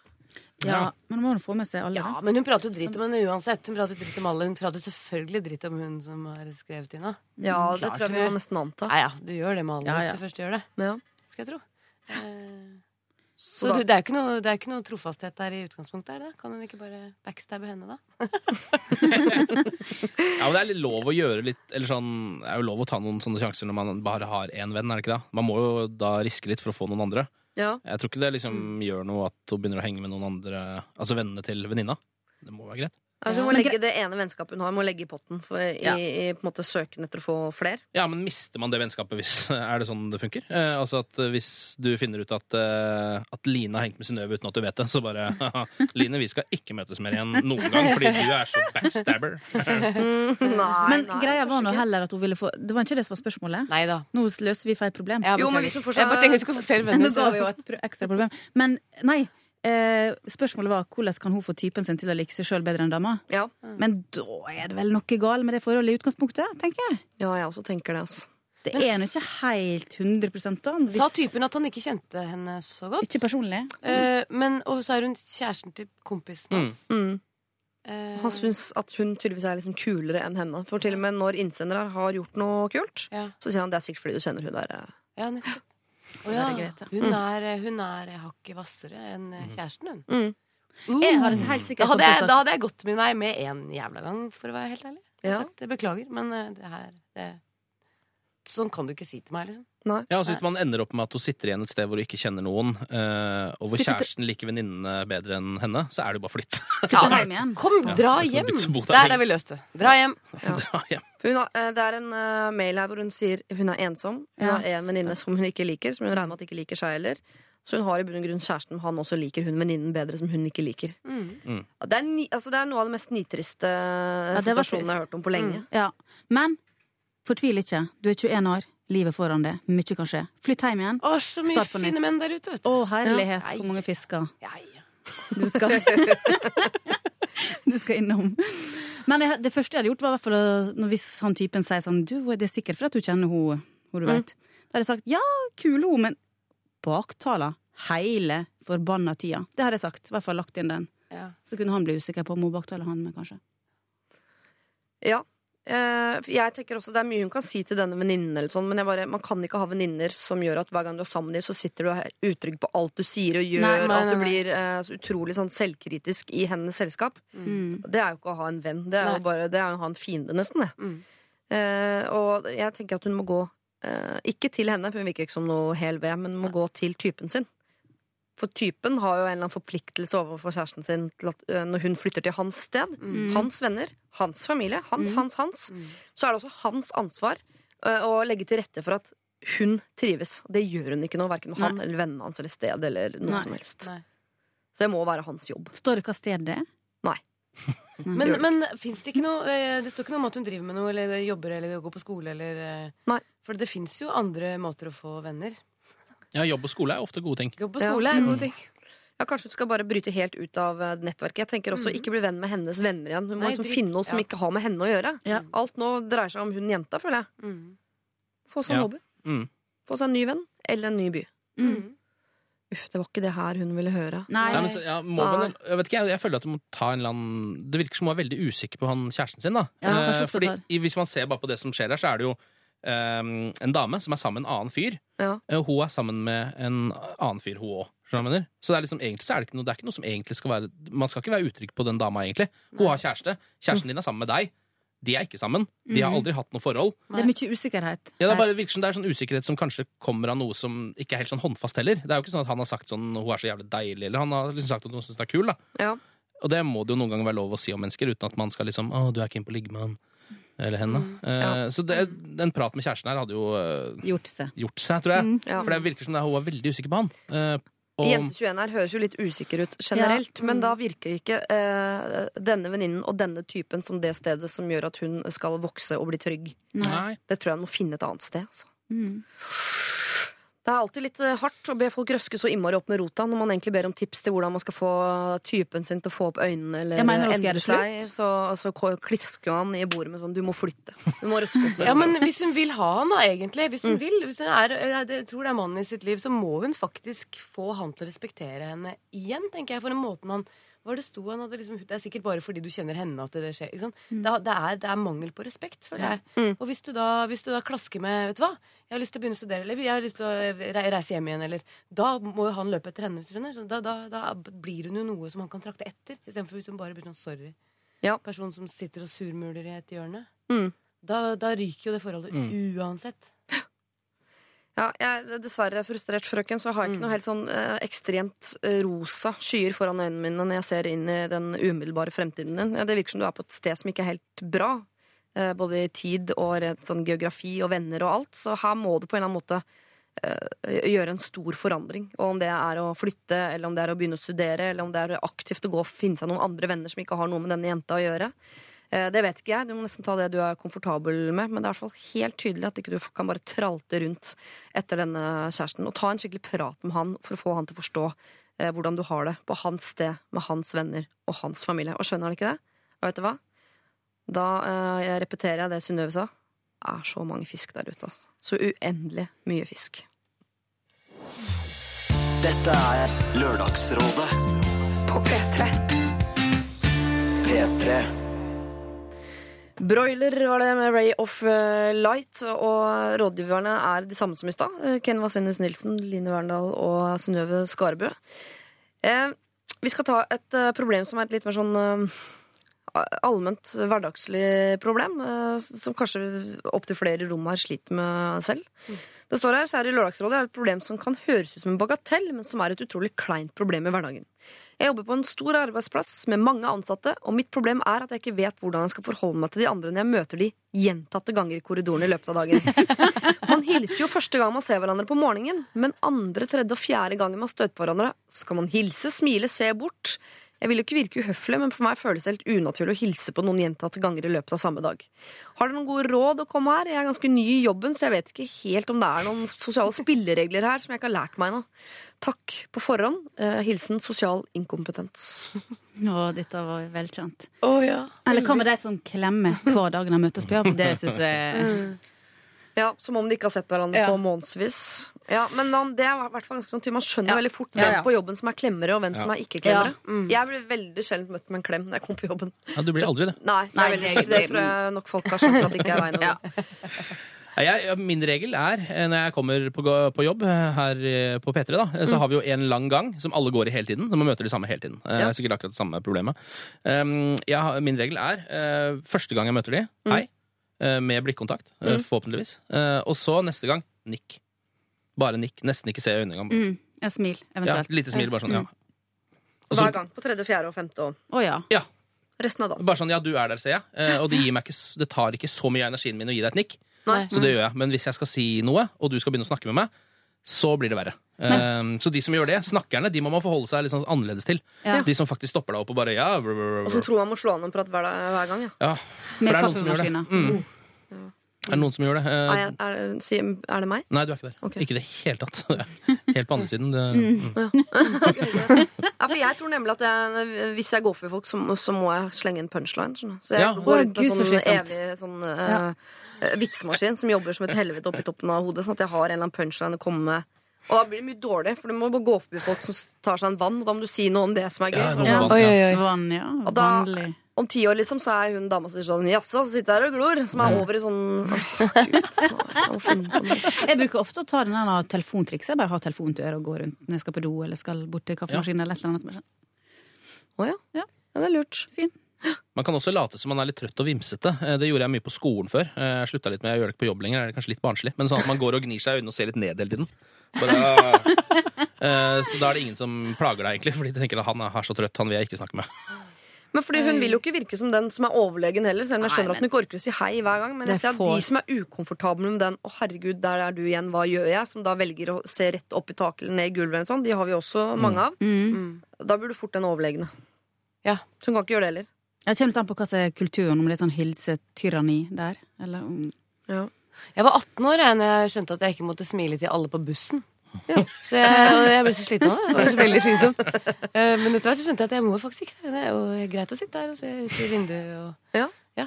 Men jeg går for eh, løsningen eh, nikk. nikk eller smil. Nikk og litt smil. Ja. Hvis du ikke er så heldig at du jobber på en sånn peltorarbeidsplass, altså til å ha på deg hodeklokker, oh. for da kan du jo late som du hører på musikk hele tiden. Ja. Eh, Eller på radio. Og faktisk, du kan jo også høre på radio, du trenger ikke å late som engang. Så da kan du jo bare gå rundt og vimse. eh, For det er jo ingen som, du får man, Hvis folk har på seg det, så er de i sin egen verden. Alle ser de store hodetelefonene og regner ikke med at du skal få slått an noe prat der. Nei. Men eh, man kan vel uansett fortsatt nikke, for man ser jo mennesker Ja, selv om man har eh, ørene opptatt. men da- Sånn erkjenne at de fins. Det er Ja, det du gjør da. Du ja. bare, du, jeg ser at du er der, liksom. Ja. Ja. Og Jeg ikke syns det er. PSD med. Kanskje han bare får være i fred? Jo, Gå man kan rundt jo og sagt hei, så har du sagt hei. Det trenger ikke å gå Det er en arbeidsplass, liksom. Jeg tror jeg hadde, Hvis du bare fyker forbi meg mange ganger og ikke ser på meg, i det hele tatt, så hadde jeg tenkt oi, er hun sint? Uff. Ja. Nei, Dette er skummelt, hadde jeg tenkt. Hun er skummel. Hadde jeg tenkt, da. Ja, ja. Men, Jeg eh, lurer på, du som ny på jobben, om du selvfølgelig første gangen så sier man hei. Det er vi enige Ja. alle sammen. Så sier vi hei. Ja. Eh, eh, andre, tredje og fjerde gangen så lurer jeg på Det letteste er vel bare å nikke. Du, ja, du har selvfølgelig din fulle rett til å ikke gjøre det også, men som ny i jobben så koster det nikket så lite. Lite nikk og syltynt smil. Ja. Syltynt. Bare bitte, bitte, bitte, bitte litt. Altså, det er ikke så, er så lenge til julebordsesongen, så det er greit å liksom bare uh, gradvis trappe opp mot uh, det sosiale kjempehappeningen som er da. Jeg har også begynt å tenke på alle som potensielle folk som kan dø og etterlate deg millionarv. Eh, Så du må aldri være ekstremt slem mot noen heller. Eh, Noen ganger så holder det med et sånt lite nikk til en gammel person, for eksempel. Personen dør. Kanskje du er øverst på arvelista. Jeg har hørt om det, jeg har lest det i avisene. Ja. Det skjer. Tenk på det hvis du syns det er kjedelig å hilse på folk gjentatte ganger, at du kan bli millionær av det. Så eh, hils første gangen. Nikk derfra og ut. P3. Dette er P3.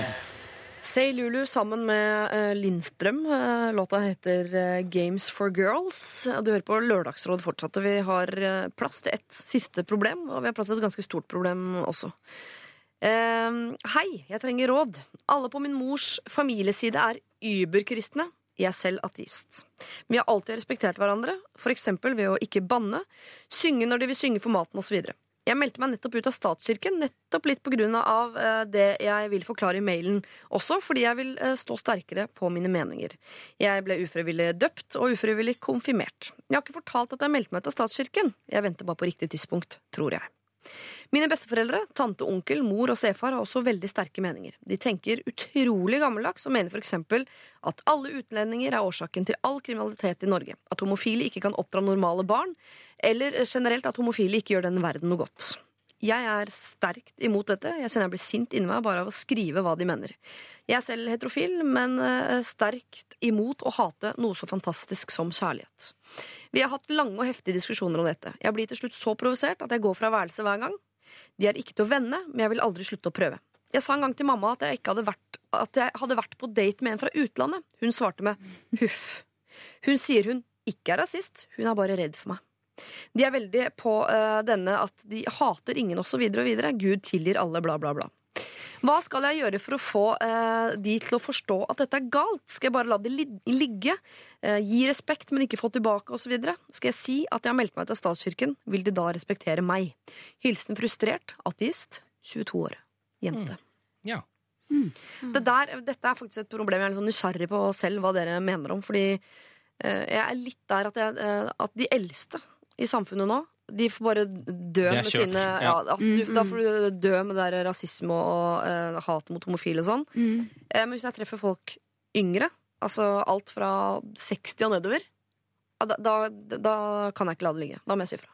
Jeg er litt grann enig, faktisk, i det. Mm. Eller sånn, jeg følger litt den samme eh, selv. At hvis det er Det er jo litt rart, det også, men når en veldig gammel person ytrer noe rasistisk eller homofiendtlig, så er det nesten så jeg bare ler litt av det. Ja. Det er bare sånn Ja, nei, du får nå bare holde på, du. Tenker jeg liksom. Og så sånn, tenker, tenker jeg sånn Det blir litt godt når din generasjon dør ut, tenker jeg litt sånn stille i mitt eget sinn også. Ja. Um, men med en gang man er yngre, så har jeg liksom null nulltoleranse på det. Uh, da må jeg si fra, føler jeg. Bare fordi jeg tenker at du jeg vet, jeg vet at man ikke blir dum av å være gammel, altså det er ikke det, men jeg bare tenker at det er så lenge siden du levde eh, og var ung, at det er vanskelig for deg å sette deg inn i dette på noen som helst måte. Ja. Men så folk på, i 50-årene, for eksempel, så tenker jeg bare at det er eh, bare at toleransen ikke er høy nok. Det er nok i 50-åra, foreldra hennes, tenker jeg. Ja, for her er det tanter og mor og far og sånn, så Ja. jeg tenker at de er for unge til å slippe unna med det. Men eh, bestemor, ikke gidd. Når bestemor sånn, eh, bruker. N-ordet om folk fra Afrika, tenker jeg sånn Ja. La holde på. Ja, det, får, ja, det får gå, det greiene der. Men eh, tante, onkel, mor, stefar ja De kommer ikke til å forandre seg, de heller. Da. Man må jo si fra. Du kan ikke si sånn. Du får ikke lov å bruke de ordene. Man må jo si fra. De må Ja. jo få høre det. Men det blir jo, jeg er helt enig, men det blir jo slitsomt, for det er jo sånn, de kommer jo ikke til å forandre seg, antagelig. Og da blir det sånn, hver gang Mm. man er sammen, skal man ta den samme diskusjonen. Ja, men kan man si Ikke snakk sånn når jeg er her. Jeg orker ikke å høre Mm. på det. Det er jo, kan man jo faktisk si, for det er jo sånn, jeg banner ikke når jeg er sammen med dere, selv om jeg faktisk eh, banner til vanlig. kan du jo si. Eller sånn, Jeg har ikke Jævlig noe mot mye, å banne. faktisk. Jeg banner dritmye. Jeg sier faen hele tida, din jævla Hvis du sier det der, så banner jeg, kommer jeg til å banne hele tiden. Ja, men det blir jo litt det samme, fordi det er, man, det er jo ord det går an å bare ikke bruke. De er jo klar over de ordene, de også, når de bruker de. Mm. Eh, og kan godt ikke gjøre det, sannsynligvis, men bare tenker at det er sånn Nei, jeg har lov til å si det, fordi jeg er Eller skjønner du, men det er jo liksom det det går på. Mm. Um, så jeg ville nesten gjort det. Bare sånn sagt det. Bare sånn, Når jeg er her, så ikke gjør det. Jeg blir skikkelig provosert av det. Mm. Uh, like mye som jeg skulle sitte her og, og lakka ned på deres religion, så provosert ble jeg av det. Ja. Og prøve å få de til å forstå det, da, på en eller annen måte. Men skal hun si at hun har meldt seg til statskirken, da? Det kommer det vel ikke noe godt ut av, tenker jeg. Men eh, det er jo bare en litt sånn Jeg provo... det er så gøy at hun har blitt eh, tvangsdøpt, jeg. Ja. jeg var frivillig døpt, faktisk. Jeg tok skrev den på papir eh, rett før jeg Nei, men, jeg- men jeg, faktisk, jeg, er litt, jeg tenker at, det, at, går, at liksom, de kommer jo ikke Jeg tror ikke de kommer til å forandre mening på noen som helst måte. Men det blir ikke argumentene hennes tydeligere hvis hun sier sånn Jeg er faktisk ikke medlem av statskirka engang, men jeg sitter nå her og synger for maten og snakker pent Ja. når jeg er her, av Ja, ja. Så uh, kan vi snu speilet, på en måte. Men jeg syns hun skal ha honnør for at hun har blitt så bra dame eh, ut av den eh, kjipe familien. jeg. Mm. Ja. Ja, ja, ja. Det er Det bra. er det ikke noen tvil om. Eh, det er verdt å tenke på når man Ja. ser på barna sine at de er trassige. Så tenker sånn, det der kommer det mye godt ut av. For jeg tipper det er, eh, dette er på grunn av trass at hun Ja. har hatt å gå motsatt vei. Det er ikke fordi hun var liksom ekstremt mye smartere enn folk flest i ung alder. Så trass skal man uh, favne. Mm. Ok, skal hun uh, si at hun har meldt seg i statskirke? Jeg sier ja. Ja, hvorfor ikke? Hun er 22 år. ja. Ja, det er er på jo, nei, Ken? ja nei, jeg egentlig ikke. Jeg bare tenker at det er jo på en måte Altså, Det spørs litt hvilke liksom, Det er jo en, bare en rein provokasjon, fordi det er noe du har gjort, og det er en ærlig ting, det. Men å si det til de er jo bare en rein provokasjon på en eller annen måte. Ja. Um, Men det å gjøre det er jo der der, der det begynte. Hun kunne bare latt være å gjøre det. ja, det er også Når hun sant. gjorde det, så har Hun hun er veldig valgt. standhaftig i valgene sine da, når hun har gjort det. Men, Ja. men må, må hun si det? Jeg Altså, er det, noe poeng? Skal, da blir de veldig skuffa og føler at det er enda lenger ifra Enda lenger mellom dem. Ja. Det er ikke Ja, men er de så kristne at de da får helt angst for at hun ikke kommer til himmelen og sånt? Er Sikkert. Ja, det såpass? Ja, nettopp. Da, ja. Det kan hende. Jeg vet ikke, Ateister kommer vel ikke til himmelen? Nei, kommer ikke noe sted. Da? Sittende i det evige mørket, vi, altså. Ja, er Men jeg tenker at det også kan være både et, sånt, eh, et fint argument i sånn eh, Som jeg sa i stad, jeg er ikke medlem av statskirken, men respekterer deres religion. Men også Mm. noe med at jeg har bodd i et hus med dere hele mitt liv, og uh, med de holdningene dere har, så uh, driver dere meg lenger og lenger og lenger og lenger bort fra det dere tror på. Mm. At hun kan liksom legge opp til at eh, Grunnen til at jeg meldte meg ut av statskirken, er en resultat av deres menneskesyn. Som jeg da forbinder med uh, kristne. Mm. At de kanskje kan eh, Men samtidig så har hun blitt ei veldig bra jente, har jeg følelsen av. Ja. Eh, og det er når foreldre Ja, det syns jo vi, men det er ikke sikkert Ja. foreldrene syns det. At hun datteren på 22, hun ateistdattera, som Ja. dater folk fra utlandet Det er ikke sikkert de syns at hun er helt tipp topp dame. Fra utlandet. Store utlandet. Ja. Hva har du hatt saks for noe? Huff. Ja. Bra mødre her i dag. Æsj og huff er det hun huff og- Ja. Men du hører at frustrert ateist 22 år, og som bruker ord som værelse. Så hun har, det er Ja, jeg, en- tenker, registrerte det. Jeg går for, Mm. basert på dette, eh, at eh, du, frustrert artist 22 år, eh, skal fortelle at du har meldt deg ut av statskirken. og helt saklig nok en gang argumentere for ditt menneskesyn versus deres menneskesyn, og håpe at de setter såpass pris på din respekt overfor dere til at de kanskje kan gi noe tilbake. For du får ikke forandret dem. Du kan kanskje for forandre dem når du er til stede, og håpe at det setter et eller annet spor på en eller annen måte. For du skal ikke slutte å si ifra til folk som er under. Hva er øvre aldersgrense på det der? 70, eller? Under 70. Ja. La bestemor hvile, men si fra til tante, onkel, mor og stefar, i hvert fall. Dette er Dette er P3. Turboneger, som jo fortsatt faktisk er lov eh, å si, da, eh, med The Age of Pamperius. Vi skal dele ut en T-skjorte. Eh, jeg skal gå gjennom dagens kandidater, for det kan være lett å Vi har vært der i tre timer. Det kan være lett å gå litt i surr. Vi startet tidlig i dag morges med en jente som følte seg som en evig klagemur. Alle ringte til henne med sine problemer, eh, noe som gjorde at hun ble sliten og aldri hadde det gøy. Så hadde vi klamydia-jenta, som hun kalte seg selv. Mor hadde rotet i tingene hennes, funnet et pillebrett, googlet det, og eh, resten er historie. Eh, en som lurer på om hvordan hun skal eh, Altså, hun skal date eksen. Hun vil bare eh, ha råd om hvordan hun får det over i eh, rett og slett datesonen. Nå har de såkalt liksom vasket opp og vært litt sånn kompiser. En som lurer på hvordan hun skal fortelle sin kalde mor, som hun eh, i det hele tatt er usikker på om elsker henne, at eh, hun velger å feire jul med sin stefar i år. Så har vi denne jentegjengen på tre, snart to, som skal til USA sammen. eh, Og den ene velger plutselig å dra hjem tidligere, men vil ikke ta regninga. Vi har en veldig veldig usikker jente på 21 som bor i en by sammen med kjæresten sin, familien hans og hans venner, hvor hun er usikker på både han og venninnen og alt, hele sin tilværelse, får vi vel egentlig litt inntrykk av. En som enkelt og greit lurer på hvordan man eh, forholder seg til folk på jobben når man møter de gjentatte ganger i løpet av dagen. Skal man hilse hver gang, eller holde dem et nikk? Eh, og til slutt da en eh, stakkars ateist oppvokst i en familie der alt som annerledes er vanskelig. Være seg homofile, utlendinger og i det hele tatt. Skal hun prøve å snu de, eller hvordan skal hun forholde seg til de? Eh, en av disse menneskene skal få en T-skjorte, og det er opp til dere. Ken, Synnøve, Line. Jeg, jeg tenker umiddelbart at hun som bor eh, alene i en ny by, med type som hun er usikker på, og ei ussel venninne som hun er enda mer usikker på, hun fortjener kanskje en liten påskjønnelse, eller? Ja. Jeg kan være litt enig i det, altså. Ja, det er trist. Hvis ikke så vet jeg at vi har noen sånne retro uh, juntafil, altså det sexprogrammet som gikk her, ja. uh, eller som fortsatt går.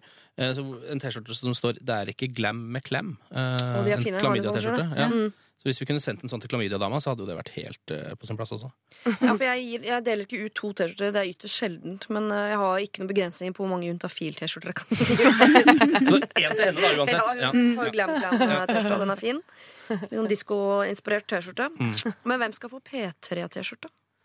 Hmm. Nei, jeg tenker også Jente21 eller denne dama som hadde en ekstremt kald mor. Ja, hun syns jeg synd på. For det er det problemet jeg ser Eller sånn, det problemet det er- løser seg liksom ikke. Skjønner du hva jeg mener? Det er liksom sånn Ja, det er dommer og psykolog til, ja. Ja, det er så Ja. dypt, det problemet. Det stikker Ja. så dypt. Eh, hun, den der siste setningen om at jeg, er jeg er ikke sikker på at hun er glad i meg engang, eller et eller annet sånt. Ja. Det er jo Ja. helt hjerteskjærende. Ja, jeg syns det. Uff a meg. Ja, kanskje hun trenger en Men, men hjelper det med en T-skjorte, for så vidt? Hjelper nå litt. Altså, Det hjelper alltid med en T-skjorte. Det er jo bedre Alltid å ha gøy på å få seg noe det. i posten som ikke er regninger, altså. Det er det jeg har å si. Ja. Ja. Kanskje vi skal gi det til henne, da. ja, hva tror dere, da? Ja. Jeg synes, hun syns jeg er mest synd på, sånn umiddelbart. da Men ja. Hva syns du da, Siri? Nei, Jeg skulle liksom ikke mene noe her, nei, altså, det faller meg jo sånn ekstremt sånn? unaturlig. Men Ja, eh, det er en øvelse, det òg. Hun får den. Jul hos mamma som skiller seg hele tida. Ja. Mhm. Da blir det en T-skjorte til, eh, til deg. Da vet du i hvert fall at det er noen som er glad i deg, og det er oss fire som har da til sammen vært Lørdagsrådet i dag. Eh, tusen takk, Synnøve Skarbø. Tusen takk, Line Verndal. Lykke til i Skal vi danse. takk, takk. Eh, og tusen takk, eh, Ken Vasenius Nilsen. Og neste gang du er her, når jeg spør deg om sivil status, Ja. da skal jeg ha noe nytt! Ha en fortreffelig lørdag videre, alle sammen. Dette er Lørdagsrådet På P3. P3. Issues fikk du der med Mad at, Myself, og det gjenstår vel egentlig bare for eh, meg å si eh, tusen takk for i dag. Jeg sitter for øyeblikket og skal eh, sakse sammen en podkast som er eh, til deg, gratis, i løpet av noen få minutter. Du kan laste ned og høre på så mange ganger du vil. Eh, Vi er også på alle andre plattformer som du befinner deg på, antageligvis kanskje med unntak av eh, Tinder. Der er vi faktisk ikke. Og jeg håper også vi slipper å bli det i framtiden. Eh, Men på mail er vi ekstremt tilgjengelige hele uka. Bare send inn det det måtte være av små og store problemer. lralfakrøll.nrk.no, så skal vi ta tak i det neste lørdag. Nå eh, fram mot nyhetene, får du røyksopp, og på andre siden så er det aller siste sjanse til å høre Radioresepsjonen her på eh, P3 før de forlater oss for godt. Så få med deg det. Eh, og om lørdag, da, om en uke, så stiller vi med helt nytt program her på P3. Det blir eh, veldig veldig spennende. Men vi, eh, vi, det tar vi neste uke. Eh, ha en fortreffelig lørdag videre. Tre. Dette er NRK P3.